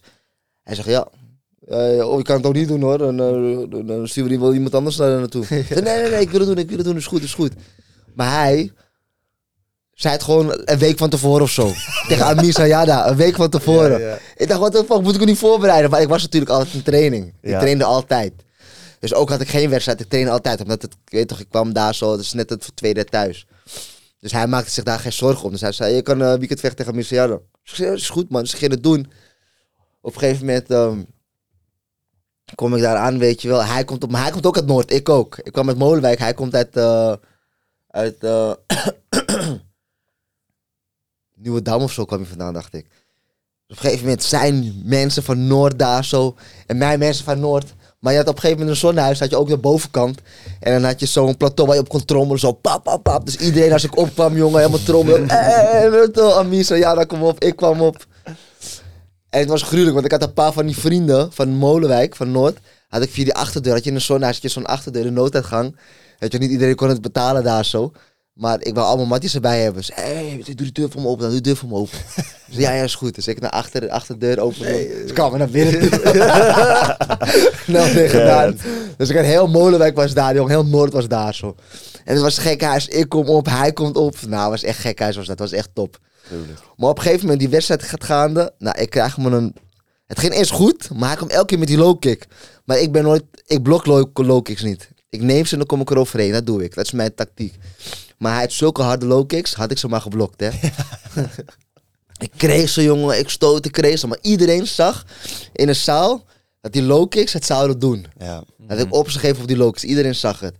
Ja, ik krijg ze, ik krijg die low kicks. Iedereen schreeuwde daar, jongen. Elke keer als ik een low kick kreeg, hey! Dus mijn hoek, blok die low kicks nou. Dus ik krijg die low kick, eroverheen komen. Op een gegeven moment komen we in de derde ronde. En die Melvin die zegt mijn hoek. Murray, Murray, neem nog één low kick. Ik kom daarna met de rechtse eroverheen. Dus ik kijk Melvin aan. Ik zeg, nog een low kick nemen? Dus Mike, hey, scherp blijven, scherp blijven. dus op een gegeven moment eh, een... eh, hij zegt, geloof in jezelf, geloof in jezelf. Eén low kick nemen met de rechtse eroverheen. Dus ik kijk Melvin aan. Dus ik loop zo naar de midden van de ring. Ik denk van, is goed, ik heb toch niks te verliezen. Linkerbeen was helemaal al in puin, hè. Dus Amir die komt. We staan tegenover elkaar. Hij komt van die Amir. Hij geeft die low kick, wat ik al had verwacht. Want iedereen zag dat mijn been helemaal naar de kloten was. Ik liep al zo naar de midden van de ring. Dus op een gegeven moment die geeft die, rechts, die rechte low kick. Dus ik stap zo door. Ik geef die rechts op. Bam, zo op zijn kin. En hij gaat zo strekken, hè. En ik denk, nee. Dus ik ga naar die hoek. Iedereen helemaal, helemaal in paniek. Iedereen schreeuwen. Mike, Benny, naar die hoek, naar die hoek. Melvin ook, naar die hoek. Dus ik op een gegeven moment naar die hoek gaan. Maar ik was op een gegeven moment daar zo scherp weer in één keer. Dus Mike schreeuwt in één keer. Benny, dus ik, ik, ik kijk hem niet aan. Ik doe dit. Hij zei nog een rechts overheen, linkerhoek. Dus ik doe zo. Weet je, ik was zo scherp op hem. Hij was neergegaan. Ik loop naar hem toe. Hij staat, hij had echt van die eh, slappe benen. Ik kom naar hem toe, geef die rechts een pam, linkerhoek eroverheen. Pam, hij gaat weer strekken. Klaar, ik had gewonnen. en dat, dat was gewoon een van de gruwelijkste eh, comeback en partijen ooit. Dat ik van dacht van, oké, nu kan ik me meten met die toppers. En toen kon ik me ook echt meten met de toppers. Want ik had, Keihard. eigenlijk had ik gewoon eh, een hele, echt een topper verslagen die de beste had verslagen. Ja. Ja. Ja. Held van de buurt, of niet? Ja, ja, dat is sowieso. De ja, hele, ja, hele ja, ja. dingen ging beginnen naar de driesprong. En ik had soap, jongen, ging helemaal los. En toen ik in bed lag, ik sliep op een gegeven moment. En ik, ik kreeg kramp, jongen, in mijn been, mijn linkerbeen. Ik, ah, schreeuw, ja, jongen. ja, nou, die ja, low ja. kicks natuurlijk. Ja, ja, die Kramp, komen jongen. aardig aan. Ja.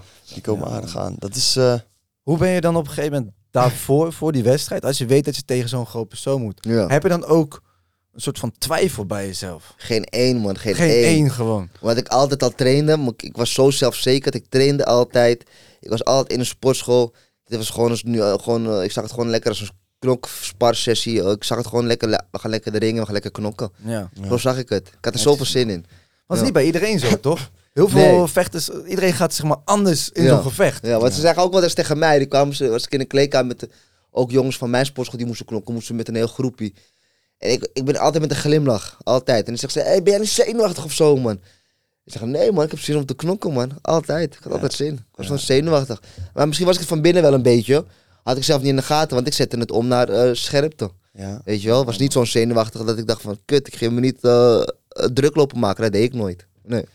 Die, die, dat gevecht hè, tegen die Amir, is dat ook voor een titel dan? Is dat nog een... eh, Ja, was voor de wereldtitel was Ja, dat. toch? Ja, ja, ja, ja, was ja, voor een wereldtiteltje, ja. Is dat... Nee, nee, eh, sorry. Europese titel. Europese E- titel. EMTA.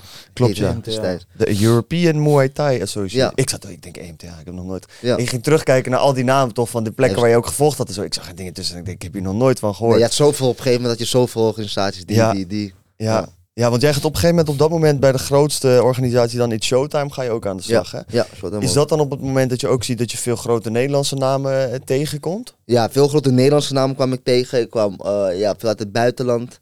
Dat was echt gewoon iedereen namen ze bij elkaar en die Ja. gingen knokken bij Ja. Showtime. En dan komt je eerste gevecht tegen Nicky Holske, die hebben we ook in de podcast gesproken. Ja, ja. Hoe was dat eerste gevecht? Was hij toen al op een niveau dat mensen echt zeiden van ja, Nicky is de top van de top? ja, die won alles, man. Ja. en jij was volgens mij toen ook een rising star. Ja, maar niet zoals Nicky hoor. Nicky was al echt reizende. Ik was Ja. nog eh, die kant op. En toen kon ik tegen hem knokken. Toen was ik echt zenuwachtig, omdat hij echt goed was. Ja. En hij had een oude een teamgenoot van mij verslagen, Yuri Mes. Ja. Ja, en die Yuri Mes die was echt in zijn toptijd, maar die was ook natuurlijk een beetje af, eh, een dalende. Maar die was nog steeds, eh vond ik hem, ja, Wat gruwelijk, maakte Yuri. Nicky zo goed? Want je hebt op die, in die tijd, ik bedoel, je hebt tegen die Amir gevochten. Je hebt echt al tegen toppers gevochten. Ja. Wat is er dan anders bij Nicky dat je zegt van, is weer een whole different game? Hij had een, eh, ten eerste die entourage om hem heen. En ten tweede, hij had een scherpe linkerhoek had hij. Ja. En hij heeft veel van die jongens ook gepakt gewoon, weet je wel. Hij had een hele goede game. Gewoon kickboxen, low kick. Goede scherpe linkerhoek eroverheen, dat had hij. En hij pakte veel gasten zo. Ja. Dus toen ik tegen hem kon, dat was eh Persianje Turnemo was dat de eerste keer. Toen, eh, ja, toen was het wel eventjes, eh, oké, nu moet ik, eh, toen, was, toen was ik zenuwachtig. Ja, ja, ja. Toen was ja. ik echt zenuwachtig. Want jullie hebben in totaal drie keer gevochten, hè? Drie keer, ja. Ja, ja, ja. Is dat iemand waarvan je zegt, nu terugkijkt, want volgens mij heb je drie keer heb je daar niet de winst binnen weten te slepen. Nee, nee. Als je daar nu op terugkijkt, wat was er nodig geweest voor jou in die tijd als vechter om wel die winst binnen te halen? Eh, wat was er nodig geweest? Ja. Kijk, de eerste keer dat ik tegen hem knokte, had ik gewoon. Kijk, je hebt, soms in organisaties heb je gewoon bepaalde corrupties. Dat, dat Mhm. is gewoon zo. En ik had het gevoel dat ik er echt werd genaaid. Ja. De eerste wedstrijd. Ik had hem gewonnen op punten. Zeker, strak. Ik, ik- als ik verlies, hoor je me niet. Dan denk Mhm. ik gewoon, kijk, ik heb verloren. Ik heb kut gevochten. Ik kon net iets beter. Ik kon net eventjes dat. Dat ik hem niet aan de jury moet overlaten. Ik kon net eventjes iets meer doen. Maar deze had ik het niet bij. Ik had gewoon gewonnen die eerste wedstrijd. Eh, drie rondes. En toen kregen we nog een extra ronde. Op de punt had ik hem zwaar gewonnen. Hij liep vooruit. Liep Ja. hij. Maar qua puntensysteem, waar ik hem raakte en scherp raakte, had ik hem gewoon. Hij deed nooit zoveel als ik deed, weet je wel. Mhm. En stoten waren gewoon raak. Niet alles was op zijn dekking. Veel stoten waren gewoon raak. En ehm qua puntensysteem had ik gewoon gewonnen. Er kwam nog een extra ronde bij. En die extra ronde was, die, die had ik die punten ook allemaal gemaakt. En die verloor ik. Dus toen, eh, toen dacht ik van ja, weer in de kleedkamer dacht ik van ja, het is dit nou jongen. En toen zat ik ook echt verslagen erbij. Ik had, je hebt nog een foto, heb ik nog. En eh, daar heb ik ook een shirt van gemaakt. Had ik zo, had ik zo rasta had ik toen, had ik een petje Ja. op rasta. En zat ik zo op de kleedkamer, zat ik op een stoel. Helemaal verslagen gewoon, wist ik het niet meer. Nou ja, dat kan gebeuren dus hè. Ja, trainen, trainen, trainen. Jaren later kwam nog zo'n wedstrijd aan. Ja. Tweede wedstrijd. Dat was in uh, Persië Turnham, was voor de wereldtitel was dat. Mhm. Zelfde hè. Knokken. Knokken. En eh, hij deed ook nog steeds goed, Nicky. Knokken. En puntentelling. Hé, luister, als je erbij was geweest, die hele zaal. Helemaal op zijn dak gewoon. Gewoon echt gruwelijk was dat gewoon. Je had gewoon een kant. Allemaal van Nicky Holsken. Ja. Hij had zo zijn shirts allemaal mee. En had je mijn kant, weet je wel. Ja. Allemaal, allemaal groen. Had allemaal mijn shirts, weet je wel. Neongroen had ik allemaal. Maar het is gewoon echt vet als je dat zag gewoon. Ja, Al die aanhangers. Dat is echt gewoon... ehm, daar hadden Nicky en ik ons, echt onze best gedaan gewoon. Weet je wel, al die aanhangers. Zijn aanhangers, dit ben ik de mijne. En ook geknokt. En ehm, voor de titel... Puntentelling, zat je op, op de bord, zag je die puntentelling gewoon... Gewoon dat ik gewoon ver drie rondes lang de punten gewoon naar me toe had gesleept. Gewoon. Dat zag je gewoon, dat het- want Glory houdt een bord bij. Mhm. En dan zie je gewoon qua puntentelling dan wie voor staat. Nou, je zag Groen had gewoon punten en helemaal voor. Dus ik had echt gewoon goed geknokt. Sommige partijen liep ik achteruit. De derde ronde kreeg ik die binnenkant low kicks van hem. Dat was wel even kut. Maar eh, niet dat ik, daar, dat ik veel last had daarvan of zo. Nou, en die verloor ik ook. Dus toen, eh, dat was de, echt de eerste partij in mijn hele carrière. En ik, ik ben geen jankend, hè. Ik liep de catwalk af, jankend gewoon, huilen. Ja. Ik dacht van nee, ik had zo hard getraind en camera's in mijn gezicht, die mensen aan de zijkant in mijn gezicht. Maar je hoort de hele arena, hoor je ook nog boer roepen. Ja. De hele arena, want ze wisten dat ik had gewonnen, ze zagen die puntentelling. Dat ik had gewonnen, dus je hoort die hele arena, hoor je boer roepen. En ik jankend, weet je wel, gewoon jankend, catwalk af. En ik denk van ja, kut man, ik kom in de kleedkamer en ik zeg tegen mij van ja, hoe moet ik dan van hem winnen? En toen wist ik het niet meer, weet je wel, was ik eh, weg. Het is lastig om dan om te draaien, denk ik weer. Ja, Mentaal ja. ook.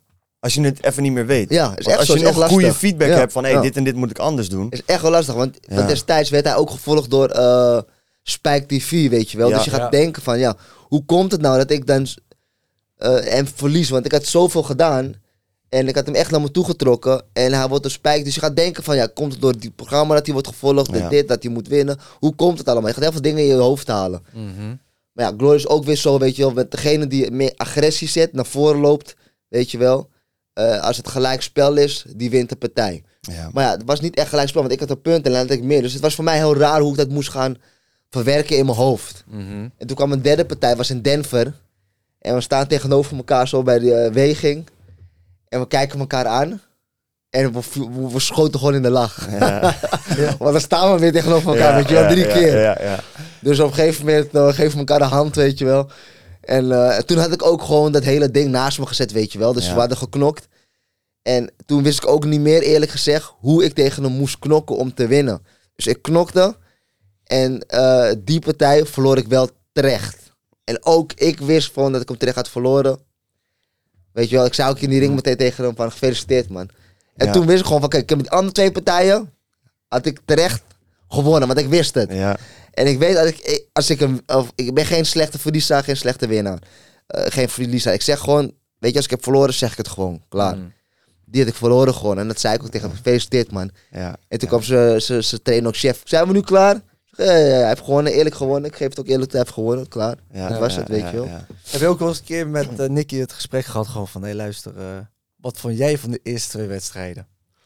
Nee, nee ik heb wel het gesprek, na, die- na die Denver heb ik wel een gesprek gehad van eh, een, eh, toen zei hij tegen mij, heb jij het ook zo van, eh, hè, dat je op een gegeven moment eh, hier bent en dat je op een gegeven moment hebt van, pff, dat je er klaar mee bent, dat je op een gegeven moment, ben ik weer aan het vechten, ik heb er geen zin meer in. Maar toen keek ik hem aan, toen dacht ik van, nee, dat heb ik nog niet. En toen begreep ik het een beetje wel dat hij op een gegeven moment een beetje hè, geen zin meer had om Ja. te vechten. Dat begreep ik er een beetje uit Koek was op. toen. Ja, Ja. dat was een beetje op. Terwijl hij nog wel een, daarna nog wel een partijtje won. Maar toen ging hij ook, verloor hij ook weer van Doembeen. Toen verloor hij weer een paar keer van Doembeen. Dus daarna is hij weggaan bij Glory. Dus voelde ik al een beetje een, een, een terug... eh, Ja. dat merk je dan een beetje, weet je wel. Want. Yuri Mes had ook zoiets, namelijk. Dat ik dat weet. Dus dan voel je al een beetje van... hm, Strijdlust is eruit. Of ja, dat Ja. begint eruit te gaan. ja. Hoe komt ja. dat? Ik weet niet, op een gegeven moment, eh, hij, is wel, hij is ook wat ouder dan mij. Op een gegeven moment krijg je dat op een gegeven moment. Dat- Dan, eh, eh, dan, dan voel je dat en dan heb je geen zin meer. En hij is denk ik ook al vanaf jongs af aan aan het knokken. Hè? Ja. Dus hij heeft ook al veel, een, eh, hij heeft ook al veel uren gemaakt. Hè? Dat moet je niet vergeten. Iemand die veel uren maakt en die is dan misschien wat jonger of wat ouder. Dan is dan sneller klaar met knokken dan. Ja, ja. Hoe, is dat, topper eh, is. hoe was dat voor jou? Want jij bent nu nog steeds bezig. Eh, in COVID ging het allemaal even... Eigenlijk eerst zat alles gewoon dicht. Ja. Dan besluit je om MMA te gaan doen. Dus ik denk dat je toen nog wel die strijdlust had van ik wil iets doen. Of waarom Ja, kwam die ja. keus? eh, Ja, ik geen weg bij Mike. Het ging niet meer zo lekker tussen ons, ons twee. Dus toen koos ik ervoor om, om een MMA te gaan doen. Nou, dat was top. Dat was, voor mij was dat even lekker die uitstapje. Dat was even lekker geweest.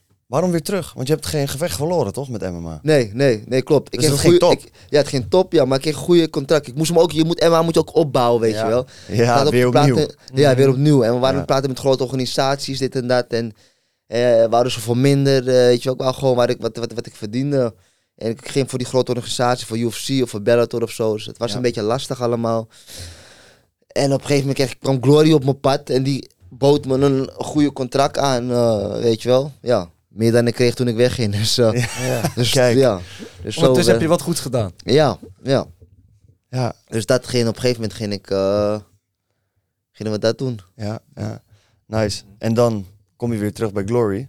Ja. Hoe, eh, nou, eigenlijk ben ik nog wel benieuwd bij het MMA. Hoe is dat eerste MMA-gevecht? Want je bent, ik bedoel, tegen die tijd is een kickboxgevecht voor jou een walk in the park. Het is niet makkelijk, maar het is een heel bekend weg. Hè? Je weet wat je gaat doen. Je... Ja. En dan is MMA ineens een heel ander iets. Hoe sta je die eerste Ja. wedstrijd dan in de kooi? Heel anders is dat. Ik stond de eerste wedstrijd ook als als een kickboxer in de kooi hoor. En niet als een, als een MMA vechten. ja, ja. Dus het was ook kickboksen. Ze probeerden, ik heb wel geoefend op het MMA voor mijn takedown defense. Om niet naar de grond te gaan. Maar het was meer kickboksen. Op een gegeven moment besloot hij, op een gegeven moment, omdat hij zag dat hij toch wel een pak slaag kreeg staan. Dat hij het niet won, kon van me winnen. Begon hij, eh, maakte hij die keuze om mij naar de grond te werken. Ja. Waaronder ik een hele goede defense had. En eh, ik hem wel wist te pakken daar zo. Maar het was wel eh, lastig hoor, om... eh, Ja. is wel pittig. Ging je daar veel op trainen ook? Op takedown Ja. defense, maar ook gewoon daadwerkelijk worstelen BJJ? Ja, ja, ging ik Hoe veel beviel trainen. dat? Want dat is ineens weer een heel andere sport. Heel ander sport. Ja. Ik vind het leuk. Ik vond, je hebt grappelen heb je ook. Dus klemmen aanzetten op de grond en zo. Ik vond het worstelen leuker. Want het worstelen zit je in een grind. Want eh, niemand wil worstelen omdat het zwaar is. Dus heel weinig MMA-vechters die willen worstelen omdat het pittig is. Maar het worstelen vond ik zo lekker omdat het zwaar is. Ik ben altijd het zware trainen. Dat brengt bij mij eh, een, eh, die alter ego eruit, weet Ja, je wel. Die, ja. andere, die andere Myrtle brengt het eruit. En dat hou ik van. op dat soort tijden van hem. Dus op een gegeven moment ehm, ging ik veel worstelen met mijn trainer.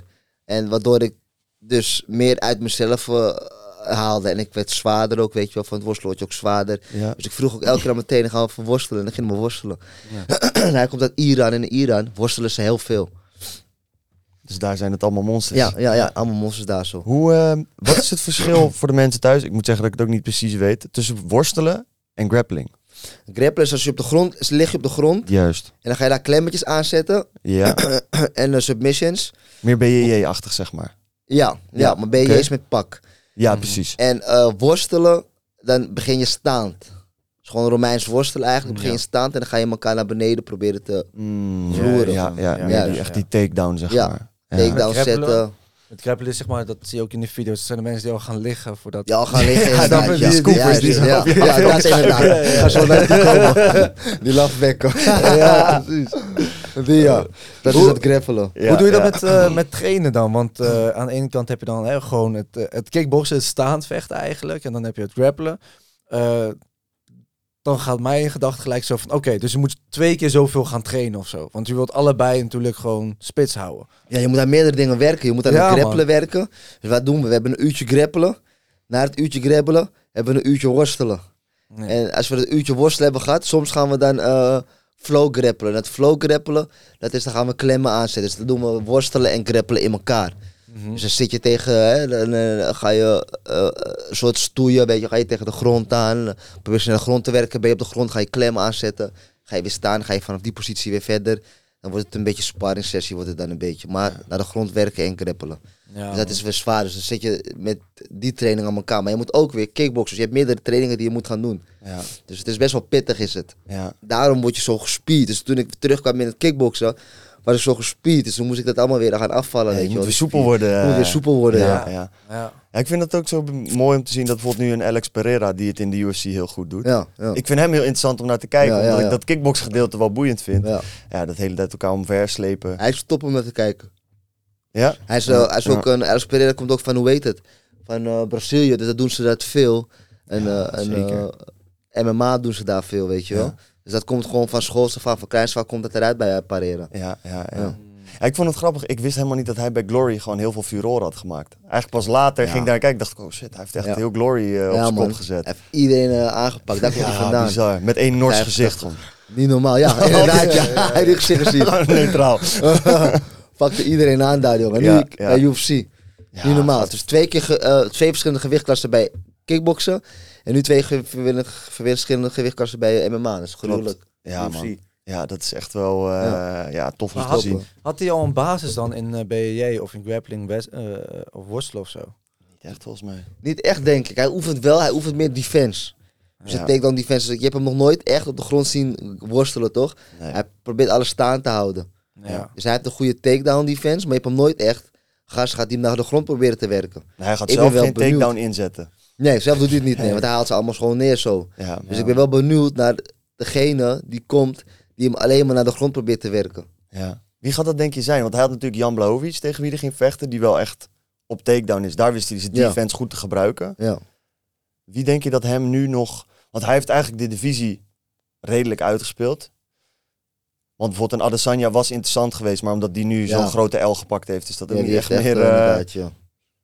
Ja, er hebben, zijn wel een paar die, maar ja, nu ja, eh, die, die, die, die, hoe heet het, die, Af, die eh, Afrikaans, die, hoe heet die ook weer die man?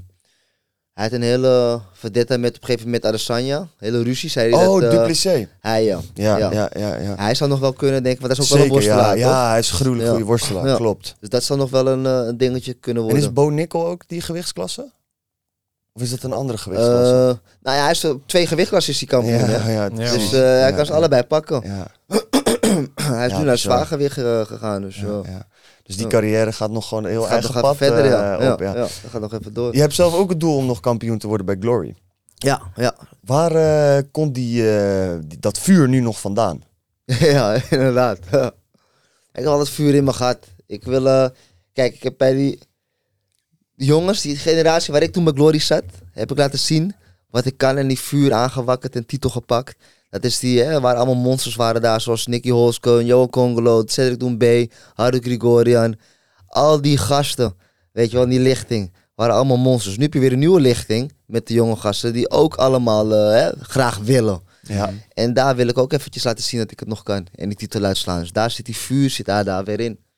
Wat Ja. vind jij echt een mooie vechter nu eh, die je ziet eh, vechten op dit moment? Chico.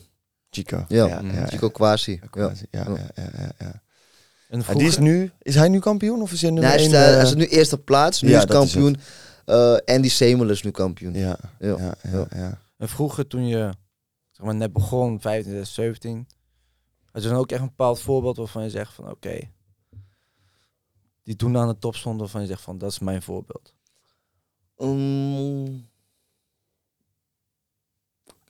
Nee, ik heb nooit echt een voorbeeld gehad. Misschien ook wat meer Ik in... keek altijd op tegen Melvin, weet je wel. Melvin Manhoef. Hij Ja. was zo explosief was hij. En snel. Daar keek ik altijd tegen op. En eh, met mijn knieën keek ik altijd naar Remy Bojaski. Ja. Die had die vliegende knieën. Ja. Dus die wou ik graag erin zetten. Maar jouw knieën zijn ook geen grap. Nee, dat, dat, dat, vind ik wel altijd leuk om erin ze te zetten. Een paar highlight reels, jongen, dat is niet normaal. Je ziet mensen... Ja, dus die hou ik ervan om erin te gooien. ja man. Maar het explos, eh, explosief heb ik van Melvin toch wel. Ja, Omdat hij ook altijd bij trainen explosief was. Pap, pap, pap. En dan ging ik dat allemaal nadoen. En wij hadden altijd eh, van die wedstrijdjes, Melvin en ik, weet je wel. ja. Dus hij ging me bijvoorbeeld, nam hij me mee bijvoorbeeld naar Miami of zo. Had hij een trainingskamp daar in Miami, nam hij me mee. En dan haalde hij met iets de snelste tijd. En dan moest ik daar overheen gaan, Ja. zodat hij daar weer overheen kon gaan, weet je wel. Ja, continu Dus scherp altijd, houden. eh, ja, waren, hij- zo hadden we elkaar altijd scherp, Melvin en ik. Gruwelijk. Dus we hadden altijd die rivaliteit.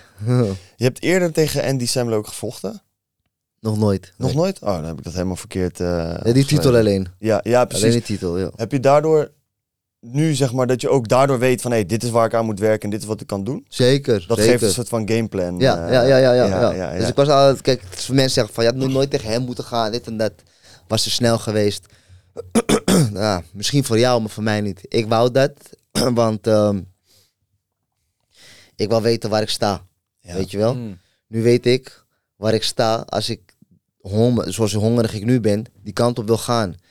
Iedereen die nu in mijn weg staat, die moet ik uit de weg ruimen. Maar mijn- ik ben hongerig door die titel, want ik heb die titelpartij, die jongen, heb ik al een keer tegen gestaan. En eh, ik heb ze gekregen, om zo maar te zeggen. Ik weet nu waar ik aan moet werken bij hem. En eh, dat maakt mij nu zo hongerig op dit moment, weet Ja. je wel. Dus ik weet nu wat ik kan verwachten. De rest moet ik gewoon, zijn allemaal pionnen, die moet ik gewoon zien te verslaan om bij hem te komen. Ja, En eh, dat is die vuur die in mij nu wakkert. mooi. Ja. mooi. En zo'n gameplan hè, die je dan van tevoren maakt. Ik denk dat je dat niet alleen doet. Ik denk dat je ook mensen om je heen hebt waarmee je dan samen zoiets ook een beetje uitstippelt. Jawel, ja, ja, ja, dat zeker. Training, je coach. Dat is belangrijk. En je kijkt wedstrijden van die jongen. Ja. Kijk waar ze fouten liggen. Dat zijn al die dingetjes die, eh, die meespelen, ja. ja. Hoe hou je, ik heb geen idee of je daarmee bezig bent ook hoor, ook in de gaten dat je op een gegeven moment ook weet wanneer het er niet meer in zit. Ik haal bijvoorbeeld Badder aan. Ik vind het zonde om te zien, naar mijn mening, dat hij nog best lang doorgevochten is. Ja. Terwijl je misschien denkt van ja, het zit er misschien niet meer in. Ja, ja, ja, ja. Hoe check je dat bij jezelf? Of heb je zoiets van het maakt niet uit, weet je? Als je, de- als je dat gewoon zo doet, dan is dat de keuze die je zelf maakt als man. ja het is lastig om bij jezelf te checken, omdat je altijd, je bent een vechter. Je wil je? altijd. Je wil altijd, dus het is lastig om bij jezelf te checken. Je hebt mensen toch wel om je aan de kant nodig, eh, die je dan op een gegeven moment zeggen van, hé hey, Mur, je moet nu echt even gaan denken van, weet je wel, je laatste wedstrijd of wat dan ook. Mm. Want voor jezelf is het lastig. Dan denk je van, hé, weet je, is goed, we gaan trainen. Dan gaan we nog, eh, deze winnen we weer.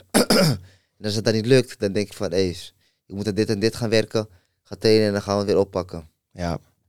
Ja, het is ook dat je jezelf denk ik altijd maar aanleert om niet tegen jezelf te zeggen, ik kan het niet, ik moet ontwikkelen. Ja, Maar als je dat Ja. al altijd tegen je aanzegt, dan Ja. is het op een gegeven moment heel lastig om tegen Heel jezelf te zeggen, hey, misschien zit het Ja. er gewoon niet meer in. daarom heb je mensen in- eh, vlakbij je nodig om het jou te kunnen Ja. zeggen, weet je wel. Dat is Ja. belangrijk. Ja, Mhm. Ja, dat is echt belangrijk. Nice. Zo zegt Mo Bicep het ook. Hè. In de podcast zei hij het ook. Hij zegt van, zeg niet tegen mijn kinderen dat ze iets niet kunnen. Ja, Zeg tegen mijn kinderen dat ze het nog niet kunnen. ja. Ja. Je kan het altijd leren. ja. dat is heel belangrijk. Want als je iets zegt dat je niet kan, dan zeg je tegen jezelf dat je het niet kan. Ja. Jezelf kent het verschil niet. Nee. Dus je zegt tegen je mij dat je het niet kan. Daarom moet je altijd, en dat is voor iedereen, positief over jezelf praten. Als jij negatief over jezelf praat, komt er negatief naar je toe. Ja, Praat je positief over jezelf, komt er positief naar je toe. Daarom praat nooit slecht over jezelf. ja, Dat leer ik mijn kinderen ook. Nooit slecht over jezelf praten. Altijd zeggen van, ik kan het. Ik doe ook vaak, eh, voor mijn kinderen doe ik ook vaak ehm eh, Doggyland heet dat. Mhm. Het is van Snoop Dogg is dat, Doggyland. En hij heeft dan allemaal positieve dingen, daar waarin hij rapt eigenlijk zo. En dan doe ik op en dan gaan ze zeggen, there is no one better than me than myself. Dus dan gaan ze, gaat die dingen Ja, gaat hij opzeggen ja. in de muziek. En dan gaan mijn kinderen het nazeggen, nazingen, weet je wel. ja. En zo eh, bouwen ze affirmations, bouwen ze op voor hunzelf. Ik wist Zonder niet dat ze doorhebben. bestond, man. Ja, hij heel Gruwelijk. goed doet hij dat. Heel goed is dat, ja. Echt keihard. Echt wel iets voor Snoop Dogg, man. Ja, man. Ja, Ja, echt dat Doen. nog Hij nooit doet van heel gehoord. veel dingen, toch? doet die man doet zoveel dingen, is Ja, is normaal. normaal, Bro, ik kan Dus me nog dit is top. periode herinneren dat hij Snoop Lion was. Ja, Kunnen jullie dat nog? Dat was een gekke Ja, van heen is. Helemaal. Rasta boy was. Ja, inderdaad. Er is heel gek. documentaire van, hè? Klopt. Daarheen gaat het helemaal. Ja, ja. Ja, man. Ja, maar dat met die zoon Maar hij pakt het zo slim aan. Ook dat hij ze, ze, ze op een gegeven moment stopt met roken. En dat, om, ze, om een... eh, een eh, waar gaat het nou ook alweer over? Hij stopt met roken, maar het gaat om een heater of zo. Ja, Stopt ja. hij met roken om die te verkopen. Ja, Dus iedereen, heel social media ging in één keer eh, van... Hè? Hij stopt met roken. Van, eh, komt goed, Kas. Komt goed, dit en dat. Op een gegeven moment post hij later. Denken jullie nou echt dat ik ga stoppen met roken? En dan post hij een heater. Ja, ja, ja, precies. Zo'n gekke, zo'n ja. vaporachtig, eh, Ja, zoiets, zo'n gekke ja. ballon heb je dan, toch? Ja, ja, ja, ja. ja. Heel goed doet hij dat. man. Ja, ja, ja, die, eh, die zit er scherp op. Snoop Dogg heeft het wel heel goed gedaan, want hij ging toen ook eh, naar eh, Jamaica voor, ehm, omdat het toen in Amerika, toen kreeg hij een beetje geruchten toch, omdat hij eh, in die periode had hij waarschijnlijk ook iemand eh, neergelegd. Oh. Hij had waarschijnlijk wel Hij iemand wel- doodgeschoten. Ja, Ja? en daar werd hij toen dus een beetje voor, eh, had hij volgens mij een rechtszaak lopen of iets. Oh. Klopt. Zijn reputatie werd steeds minder. In En hij- Jamaica. Nee, in Amerika toen, en Amerika. toen is hij naar Jamaica gegaan en zei hij Oh. van nu ben ik Snoop Lion. Dan Ah. maak ik transformatie. eh Oh nee, nee, dat is wel veel later, man. Nee, ja, nee, dat, is op een gegeven moment later geweest. dat Maar iemand is 2008. doodschieten. Ja, dat iemand doodschieten was wel echt aan het begin van zijn carrière. Dat is Dat is Begin, rond ja. 2000 ja, dat is echt, eh, ja, ja, dat was echt daarvoor aan het begin van de carrière. Ja, Ja, ja. ja. Dat, eh, daar Maar doodgeschoten of... eh. Er was Ja. iemand doodgeschoten mm. en alles leek erop dat Snoop het gedaan had, Ja. maar er was uiteindelijk niet genoeg bewijs, dus toen is hij volgens mij wel vrijgesproken. In die tijd dat hij veel met Shook en zo omging. ja, ja, ja. Ja. Het was in ieder geval geen gezelligheid waar hij Nee. vandaan kwam. Nee. Nee, dat was En Jamaica was ook eh, rond eh, 2008 of zo. pas. Ja, ja, ja, Misschien ja, zelfs later. later. Sowieso, als je met zoek omging, dan eh zat je niet goed. best hoor. Nee, dat, eh, daar is echt niemand beter van Nee, geworden. man, niemand. Nee, dat, dat eh, moet je niet willen. Hey, jij gaf in een interview aan dat je The Rock graag zou ontmoeten. Is dat nog steeds zo? The Rock? Ja. Ja, zou ik wel graag willen ontmoeten. Ja. Is dat iemand die jou echt inspireert of, of niet per se? Nou, hij doet wel goede... ik vind hem wel goede dingen doen, Ja, The Rock. Ja, ja. ja, ja zeker. Hij doet wel goede dingen, dus het is wel leuk om eh, zo- zo'n man wel eh eens een keer te zien ontmoeten. Die man is... eh, ja, hij heeft een hele goede vibe, positief Ja, is hij. En eh, ja, ja. beetje business-wise, Hij is. Mm. is Die man is zo, eh, zo ver. Ja. Ja. Ik heb een keer zo'n documentaire gekeken van hoe hij dan zo rijk geworden is. Ja, Al die films die hij, waar hij in speelt, produceert hij zelf met zijn eigen bedrijf. zelf hè. En Ja, daar ja. heeft hij dan altijd dezelfde hoofdrol en zo. Dat is echt, daar Ja. is een van de zieke Ja, dat business ik, achter dat doet je goed, ja. Ja, dat is echt bizar. Wat Kevin Hart nu eigenlijk ook doet. Exact. Beetje hetzelfde. Ja. eh, Ja, maar dat is wel echt. En dan zal die van hem vragen is- zeker wel hebben. Ja, ja, denk ik ook wel. goede vrienden van elkaar geworden. Ja, die die goed. Adam Sandler doet dat ook. Ja. Weet je wel, die in al die comedy speelt. Comedy, ja. Juist, Ja. hij, hij heeft dat ook gewoon van. Hij maakt zelf de comedies. Ja. Dan al zijn vrienden spelen erin. Ja, zelf ja. heeft hij de hoofdrol. Lekker wijf erbij. Ja. Dat doet hij goed hoor. film. Dat doet hij goed hoor. Hartstikke mooi toch? mooi. Hey, voor, eh, eh, als we het hebben bijvoorbeeld over The Rock, hè, qua business-wise, heeft hij het ook slim aangepakt. Eh, bijvoorbeeld met die films. Hij heeft volgens Ja. mij ook die eh, tequila eh, Ja. merk heeft hij Ja. ook opgebouwd. Inderdaad, ja. Ehm, eh, volgens mij heeft hij ook zijn kledingbrand, toch? Fitnessachtige kleding Geen idee, zou heel goed kunnen. Ja, heeft hij ook wel. de Ja, koptelefoons. Ja, Ja, koptelefoons. Snap je, hij heeft heel veel dingen gedaan. Ik denk, ik denk ook die pakken van hem of niet. De pak Zou goed kunnen. Hij heeft ook eh, een merk pakken, dacht ik. Ik denk eh. dat hij overal wel een ja. vinger in de pap Ja, heeft. eh. ja. Precies, doet hij hartstikke slim. Ehm, hou jij daar dan zelf ook een soort van inspiratie uit van oké, je hebt kickboksen. Je hebt natuurlijk ook de brand eromheen, Ja. Myrtle. Ja, ja. Ja, toch wel hoor. Want kijk, het is een brand eromheen natuurlijk. En eh, daar ben ik ook wel mijn eigen personal training een bedrijfje begonnen. Dus dat geef ik nu.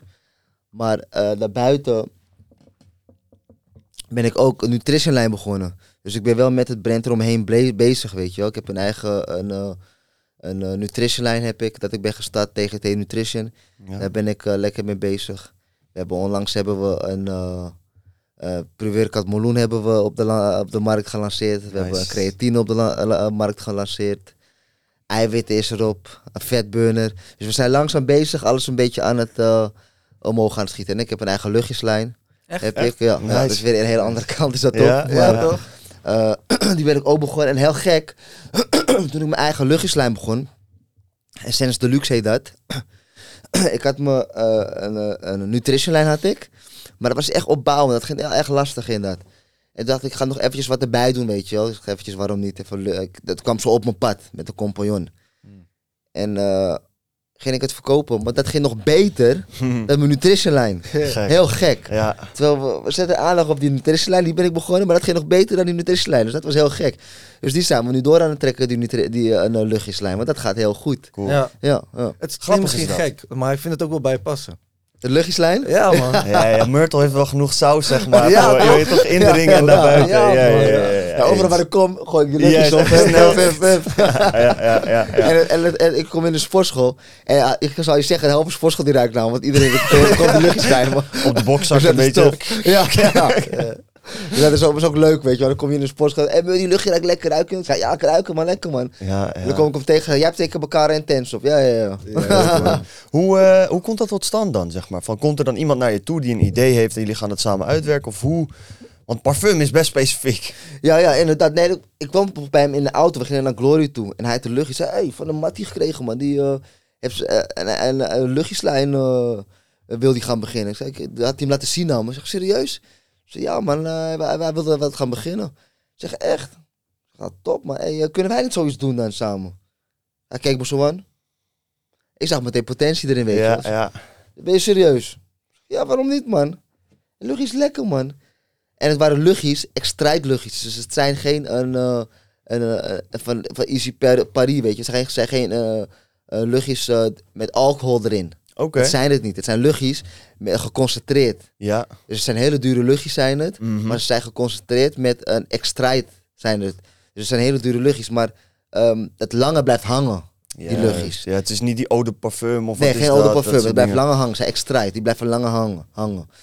Dus, eh, en eh, bijvoorbeeld eh Baccarat Rouge is een luchtje dat in de winkel 250, 260 euro kost. Ja. Ja. Mij heb je voor 35 euro. Ja? 50 ml. Echt? Ja, ja, Kijk. ja. Dus zo doen wij het een beetje. Maar het zijn echt hele lekkere luchtjes zijn het.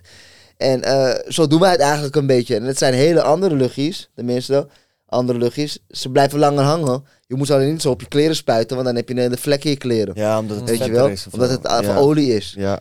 Dus ik zei, ja, waarom gaan we dat niet doen, man? Zo, zo zijn we het een beetje gaan doen, weet je wel. Dingen, de flesjes een beetje anders gaan doen, weet je wel. Met een, eh, een magneet erop en zo.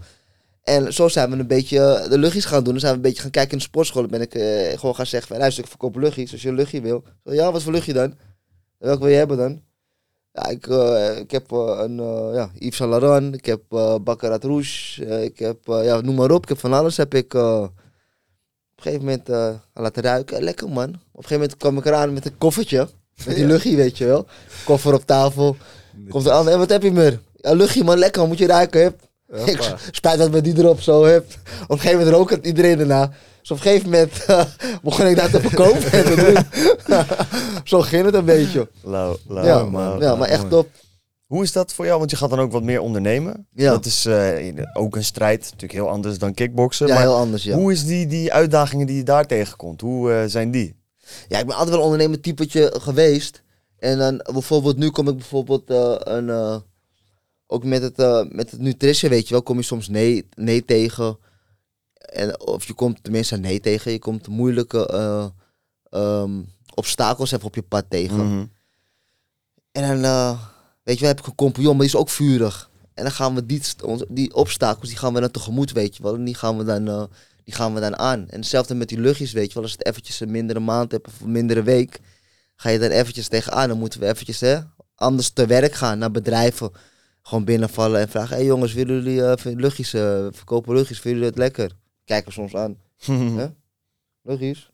Ja, ja, ja, je kan meer erin kopen voor zoveel, eh, weet je wel. Ja, Zo ja. doen we het een beetje gewoon. Handelen. Ja, ja, een beetje handelen, ja. Juist. Ja, man. Dus zo kom je langzaam een beetje erin. Hoe ziet je dag eruit dan? Want ik bedoel, eh, we zijn hier nu vroeg bezig. Je zegt normaal training vroeg. Eh, Ja. Kost een hoop energie. Eh, je zegt je hebt kinderen, je, je hebt eh, Ja. bedrijven, nutrition line. Ja, ja, Hoe ja. deel je je dagen in? Ja, eh, ja, zoals nu. Ehm, kijk, ik heb die kompion heb ik. Dus wie weet als ik moet knokken, dat ik dan in een trainingskamp ga. Dus, eh, maar ik probeer hem wel altijd bij te blijven, weet je wel. Ik probeer altijd eh, een... eh, ik ga een maand voor mijn wedstrijd ga ik de trainingskamp in. Dus ik ben drie, drie maanden ben ik al in voorbereiding. Maar een maand voor mijn training, dan ga ik me afzonderen. Dan ga ik echt eh, in een kamp, ga ik focussen. Ehm, ja, s ochtends ben ik dan al op de sportschool, 7 uur s ochtends, soms half zeven. Zit ik op de sportschool, doe ik mijn ding. En dan eh, is hij, mijn compagnon, dan is degene dan die de, op de achtergrond aan het werk is. Dus Mhm. eh, het internet een beetje, op de computer een beetje dingetjes doet. Daar ben ik niet van, daar is hij van. Ehm, dan ben ik degene die dan soms eh, wat spullen gaat ophalen, daar naartoe. De dingen gaan posten, dat soort dingen. Dat doe ik een beetje. Want dat kan ik. Ik zit alleen maar in. Ik ben dan op, op de sportschool. Ja. Dan kan ik dingetjes posten en doen. Eh, met die luchtjes kunnen we verkopen. Spreken we samen af in de avond. Eh, in de middag heb ik ook al, heb ik ook al mijn eh, trainingen staan. Over, de- overdag rust ik een beetje. En in de avond spreken we af. En dan hebben we een, een kleine meeting, gesprekje. Als je merkt dat ik kapot ben, zei Murray, je bent een trainingskamp, ik ben kapot, laat het, ik doe dit. Weet je wel, dus zo vullen we elkaar een beetje Ja, aan. ja. We vullen elkaar een beetje aan. We hebben niet echt vaste tijden of wat dan ook, maar we proberen wel wat we hebben afgesproken. eh, om de ma om de, even kijken, om de twee weken eh, op tafel te zitten, weet je wel. Om te bespreken van, hoe gaan we dit doen, hoe gaan we dat doen. Als het niet om twee, drie weken is, weet je wel, proberen dat wel te doen. We bellen wel elke dag. Ja, ja, net eh, alsof ik mijn vrouw, vrouwtje bel. Elke keer aan de telefoon. het is wel. Dat is wel belangrijk. relatie, bro. Is belangrijk, is echt zo, Ja, ja. man, ja. Zeker. Dus je bent constant aan het hè, hergroepen. Oké, hoe gaan we dit doen, hoe gaan we dat doen? We merken dat de markt met de nutrition een beetje lastig is. Hoe moeten we het doen? Eh arts plaatsen, dit doen, dat doen. Eh, ja, een beetje kijken hier en daar hoe het allemaal werkt. Met die luchtjes, een beetje kijken hoe het werkt hier en daar, weet je wel. Ondertussen mijn eigen PT-bedrijf hier laten, eh, laten boomen, weet je wel. Ja. Ja, man. Dus eh, ja, je bent constant bezig, ben je. Druk, druk, druk. Stijgende, stijgende. Ja, ja daar Ja, blijven. man. En dan Ja. merk je soms wel, want dat kan al niet anders, dat je met de ene hier bent en de andere die gaat even zo. Ja. Ja. Want het is moeilijk je aandacht verpla- eh, verplaatsen naar alle drie. Alles tegelijk Klopt, gaat. En het gaat ook altijd gewoon een beetje met, met waves, Ja. toch? Van- Maar dat is belangrijk, hè? Als je alleen maar zo gaat, is het niet goed, denk ik. Je hebt dit nodig. Want als je hier bent, moet je weer weten van, oké, daar is een obstakel. Mm. Daar moeten we niet meer tegenaan botsen. Dus we, dan kunnen we weer die even pakken, kunnen we weer zo gaan. Ja. Weet je wel? Juist. Als je op een gegeven moment alleen maar zo gaat, je komt daar obstakel tegen, dan weet je op een gegeven moment niet meer. Nee, Wat het is. dan kan het heel snel ineens naar beneden. Kan in één keer eh, dit doen, ja. Ja, Ja, ja, ja. Hey, eh, Glory 90, Ja. 23 december. 23 december. Ja. Deze aflevering, ik weet niet wanneer die uitkomt. Het staat volgens mij gepland in januari. Dus dan, dan is 3 al bekend eh, Ja. wat er gebeurd is. Ja, maar voor eh, We nu, zijn benieuwd. hoe, ehm, hoe zit je erin, die trainingskamp? Ik zit er heel goed in. Heel, eh, training zit heel goed. Scherp getraind. eh gisteren nog een sparsessie gehad, waar u tegen zegt. Ja. Ja, ik zit er echt heel goed in. Ja, Lekker, ja, man. Ja, ja. Mijn coach zegt ego. het ook. Alter ego, lekker omhoog gaan. ja, ja, die gaat lekker omhoog, weet je wel. Die alter ego, helemaal, die komt eruit. Ja, man. Alles, eh, ja, alles on point. nice. Dus eh, zin om, eh, om te knallen weer. Ja. Ik heb zin om het te, bewe- eh, te bewijzen tegen mezelf. Laten zien hoe, het, hoe ik erin sta. Ja, En hem laten zien hoe het eh ja, nice. En ehm, wat voor, eh, met wat voor nummer ga je opkomen? Ehm, ik, ben, ik ga het weekend ga ik naar mijn neefje toe. Ja. En dan gaan we nog een nummertje maken. Echt Oh, shit. ja, ja, ja, ja. Ik weet nog niet echt wat voor nummer. Ehm, ja, ik moet eventjes tijd nemen om hem goed te maken. Over maar ik heb denken. wel een nummer in mijn hoofd. ja. Wat ik graag wil hebben. Ja? Dus eh, ja, ja. Dat is wel leuk als je een beetje je eigen sausje erop kan doen. Ja, ja, dat is ik vond leuk. dat bij, eh, wat was het, die laatste Glory, dat Donny Abena kwam met Dat die is hele... vet, dat is gewoon lachen, bandje, is ja, gewoon ja, leuk. ja, ja. Ja, man. Entertainment hè, hoort erbij, hè? Ja, man. Ja, ja, Ja, klopt. dat is belangrijk. Zeker, ja, maar je hebt, ja, je hebt gewoon soms bijvoorbeeld die, eh, wat is het, die eh Oekoe Jurjendal of zo. Hij komt met een of andere gekke uh, trommelmuziek. Ik weet niet, pak me Oh, minder. Ja, Ik vind het leuk als je een beetje showtje ja, ja show maakt. is belangrijk. Ik vind het leuk. Ja, dat man. heb ik altijd gedaan ook. Maar soms, de laatste tijd kwam soms een beetje... Ik hou ervan ook om agressief op Ja. te komen. Meek Mill. eh, ja, ja, ja. Ligt daar net aan moed, weet je wel. ja, Ja, ja, toch? snap ik Ja. wel. Snap Zo wordt een combinatie. Combinatie, Agressief, maar Ja. toch... Dat is wel belangrijk. Juist, Ja. juist. Hey, het laatste waar ik benieuwd naar ben, eh, is...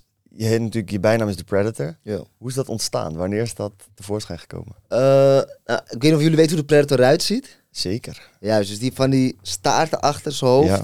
Mhm. En hij heeft zo'n masker op, heeft hij. Ja. En die masker die kan hij afzetten. En dan zie je zijn echte gezicht, zie je dan. Nou, vroeger had ik eh, eh, vlechten. Had ik een Ja. rasta, weet je wel. En ik kwam altijd met een masker op. Mm. En dan had ik Melvin voor me, die ging allemaal schreeuwen tot me agressief maken. En tot ik bij de ring kwam. En als ik in de ring was, zette ik mijn masker af. Nou, op die masker de rest in peace altijd. Dus zo eigenlijk is die naam ontstaan. Omdat als ik je me ziet van de zijkant, dan zie je dus die masker. Maar dan zie je ook die vlechten zo erachter. weet je. Ja, Ja, juist, dan lijkt je op de Ja, Predator. ja, de Predator. Zo is die naam eigenlijk ontstaan van andere mensen. Lauw. Ja. Niet zelf verzonnen, maar door andere mensen. Andere, ja. Ja? Ja, ja, ja. ja, Ja, Ja, dat is wel mooi. Ze altijd, mag, je mag nooit altijd jezelf een naam geven. Nee, nee. Waren er andere namen die eerder al bijvoorbeeld in de gym, dat ze voor jou op een gegeven moment een ding... Of was de Predator echt de eerste... ja, de Predator was het echt, ja. ja. Ja, ik was in het begin... Nee, nee, het was echt een Predator. En toen ik mijn haar had geschoren, had die Vinnie Shorman... Die noemde me op een gegeven moment de model. maar dat kwam niet echt. Dat is niet het ding. Nee, nee, dat was niet. Toen kwam de Predator snel weer terug. Ja, dat was net met Floyd, toch? Floyd had dat in het begin ook. Pretty Boy Floyd of zo. Pretty Boy. Floyd, ja, ja, ja, ja, ja. Voordat hij Money Mayweather was. Ja, klopt, klopt. Grappig. Ja. Ja. Mooi, man. Nee, jij nog vragen? Nee man, ik, heb, ik ben echt benieuwd naar, eh, naar eh, de wedstrijd. Wij hebben het volgens mij niet gepland hè? Om erheen te gaan? Nee, nog Nee, niet, man. man. We zijn de laatste keer wel gegaan. Je bent de laatste twee keer gegaan. Ja? Ja, Ja, maar man, ja, dat, Dat heeft me eh, toch wel... eh, wel leuke gepakt. sfeer, Ik hè? was bij het gevecht tegen Akipa. Daniel Akipa. Daar Oh, was ja. ik bij. Dus ook Ja. dat, dat, zeg maar, dat eh, tournament dat er toen was. Ja, ja. En afgelopen Glory was Met eh, Rico. mij- met Rico en... eh, Oh, oké. ja, maar dat was ja. wat minder. Dat was een saaie, saaie wedstrijd. Dat was Rico tegen Cookie. Ja, die laatste ja, partij ja, was ja, wel een domper. Ja, was, Ja. klopt, hoorde van veel mensen. Ja. Ja, man. Maar ja, ja. Ach, Weet je wat het is? En veel druk, hij is in één keer snel gegaan, hè? Klopt. Dus Ja. Veel druk ook van andere mensen. Als je snel gaat en je moet een keer tegen de kampioen vechten. Ja. En je staat daar, dan ja. Ja, en. Rico was ook voorzichtig omdat hij een blessure heeft gehad. Ja, ja, ja. Dus, eh, ja hij speelde gewoon... eh, ik weet niet of hij voorzichtig was of hij gewoon eh Hij speelde gewoon zakelijk het Rico-spelletje, ja. Ja, gewoon ja, zakelijk. zakelijk, hoe ja, altijd is. ja. Wat ik met Rico altijd heb, ik moest aan het begin echt aan wennen. Hij beweegt de hele tijd. Zijn handen, hè? Zijn handen, Ja, dat is niet ja. normaal. Zo om je af te leiden de tegenstander. Ja. Ja, hè? Dat is echt een slim trucje is dat van hem. Tegenstander afleiden. Die, op een gegeven moment denk je, gaat hij wat doen, gaat hij wat doen. Hij beweegt zijn handen de hele tijd. Dat gaat hij doen. Ja. Ja, Ja, ja. het is een soort van... Het is niet echt een feint, maar iets ertussenin of zo. Ja, ja, Oh, ja, het je is bent heel toch- gekkig. Je hebt toch een, eh, die impulsen, weet je wel. Je bent de Ja. hele tijd bezig. Je, je vangt ze toch op. Ja, man. Mhm. Snap Ja, je? Ja, ja, En dan kan hij, die positie kan hij denk ik makkelijk een, eh, een, eh, zo'n jab gooien. ja. Eh, even kijken, hoe heet hij nou ook weer? Larry Holmes had Ja. ook altijd zo'n jab. Die had zo'n zo'n vind, jab, die gooide die hem gewoon uit Ja. losse hand gooide hij die jabs. ja. Ja. En dat doet Rico ook zo'n beetje. Maar ja, hij is ook een beetje, uh, Tyson Fury een beetje traint die kamp, bij die kamp. Mhm. Heeft hij ook les gehad van zijn vader, dus daar heeft hij het een beetje Oh, ja? van, denk ik. Ja. Ah, dat is wel... Want die heeft inderdaad ook zo'n hele... Ja. Noem het even luie vechtstijl. Heel ja, ja, ja. onorthodox. Een goede vechtstijl. En ook die jab. Die jab Ja. van hem, van die Tyson Fury, is ook... eh, Ja, man. Daar ja. heeft hij het een beetje van, ja. Ja, kijk je ook een beetje boksen en zo? Ja, ja, ja. Ik heb nu eh, even mijn coach me even mijn bokswedstrijd gestuurd. Mike stuurt me ook dagelijks bokswedstrijden Ja. en zo. En Walter stuurde me ook weer een bokswedstrijd van eh, Larry Holmes tegen Ken Norton. Oké. Ja, ook een Old school. Ja, hele gruwelijke oldschool. Ja. Dus Ken Norton was kampioen. Larry Holmes die kwam net aan. En die versloeg, Kerry, eh, Ken, die versloeg eh, Ken Norton toen maar heel mooi hoe hij die jabs gooit en zo. Dus wij zijn nu heel veel gaan trainen deze kamp op mijn jab. Zijn we echt heel veel gaan Juist. trainen. Bewegen, boom, stick en move, bewegen. En dat gaat heel goed. Hij is een beetje opgezet. Ja, Gisteren wat ja, ja. sparren. Hij is goed, Ik wil hij is goed gegooid. aangekomen. Ja. Nee, dit is man. Ja, Larry ja. Holmes, is dat, ehm, was dat die heavyweight, ja. eh, getinte guy? Eh, Nou, Doc, hij was een, ja, getint. Kaal? Hij heeft, kaal, inderdaad, hij heeft Mohamed Ali verslagen. Ja. ja. in die periode zeg in die maar. was, periode, ja. ja. En toen uh, Mike Tyson opkwam, heeft Mike Tyson, heeft Mohamed Ali tegen Mike Tyson gezegd, pak hem voor me. Toen heeft Dat Mike was Tyson, die? dat was die wedstrijd, ja. Ai, Oké, Toen ja, heeft Mike Tyson dat hem stukje. gepakt. Ja. Ja, die was Ja, dik man. ja. Dat Mohammed Ali echt op, eh, in de ring staat ook. Ja, ja. Dat in zijn tegen- oor zegt van, go get him for me. Ja. Ja, En ja. toen heeft Mike Tyson zenuwen, toen ging Mike Tyson, had Mike Tyson me gepakt. Gruwelijk. Zo, Ja. Ja, de jonge Matthijsen. Ja, Ja, jongen Dat is met echt Thijssen. dik, man. Ik hoop dat boksen weer een beetje een boost gaat Een krijgen. lift krijgen, ja. Ja, ja, ja. Ja, ja. Ja, want je hebt nu dinges die er ook weer in zit. Eh Francis Ngannou. Ja, Gaan ze weer zetten. Ja. Ik ben Klopt, benieuwd. Hij- Is er al een gesprek over een nieuw gevecht dat hij gaat doen of nog niet echt? Eh, ja, er was een gesprek. Tegen wie was dat? Maar niet tegen een. eh, niet tegen. Hoe heet hij nou ook weer? Niet tegen Tyson Fury, maar tegen iemand anders. Maar ik kan zijn naam niet vinden. Ehm, daar- die, die gesprek is er ook tegen Wilder inderdaad. Ja, die willen ze ook zetten. Wilder ben ik ja. heel benieuwd naar. Wilder gaf eh, trouwens, die kwam meteen met een, eh, een, eh, een voorstel, dacht ik. Ja? Ja, Ja. ja, ja. Ja, dat zou ik wel willen zien. Want zij zijn eigenlijk allebei de, de hardste punchers in hun... Zeg maar, dat werd van Ja. Ngannou gezegd in de UFC en dat wordt Ja. van Wilder gezegd in In boksen. boksen, ja. Dus ik ben heel benieuwd. Ja, ik vind dat wel tof om Ik te vind zien. het man. echt mooi om te zien. Ja, Ik echt benieuwd Ja. naar die. Ja, Ja, vooral het hele verhaal dat hij de UFC een middelvinger had gegeven omdat hij zoiets had van ja, jullie betalen me niet ja, genoeg. Ja, ja. Ja, nu gaat hij ze wel En kijk nu, hij heeft ze nu al verdiend. Ja, maar. Nu al, eh, eh, maar hij heeft ook bewezen. Hij heeft het ook bewezen, ja. Want iedereen zei het gaat niet lukken. Ja, hij is veel te sloom. Thijs Vuurder zei ook van, ja, ik heb die video's gezien. Hij gaat niet in de buurt Ja. komen. ja, ja. Ja. Nou, hij heeft hem toch even laten zitten. Ja, man. Ja, man. Ja, die Ja. man krijgt sowieso een film. Ja, Zijn verhaal is ja heel mooi verhaal, hè? Ja, te lijp. Gewoon hij wou in altijd- hutje. Juist, en hij wou altijd al bokser worden. Ja, Mike Tyson was zijn grootste idool. En Was die heeft grootste uiteindelijk in idool, zijn ja, ring... Ja, gek. En nu is hij Echt. trainer. ja. Ja, dat is wel dik hoor. Ja. dat is wel heel goed doet hij dat, hoor. Ja, ja, dat is echt gruwelijk. Ja, dat is mooi, ja. Myrtle, dankjewel man. Ja, geen het dank. een tof gesprek. Geen Eh, veel succes de 23e. We gaan sowieso Helemaal kijken. lukken. Misschien zijn we aanwezig. En eh, Leuk, leuk. thanks. Gaan tot ervoor, gaan voor de winst. Gaat Het goed gaat komen. sowieso goed komen. 100%. man. Moet wel toch? Ja, 100% zeker wel. De Man, de voorbereiding is allemaal goed gegaan. Kijk. Er kan niks misgaan. Nu nog goed zaak. nummertje erachter. Het en, nummer eh, erachter en gaan, gas man. geven. Juist. Lekker man. Top, Hartstikke bedankt. Dankjewel. Geen dank jongens, dank jullie wel. Yes.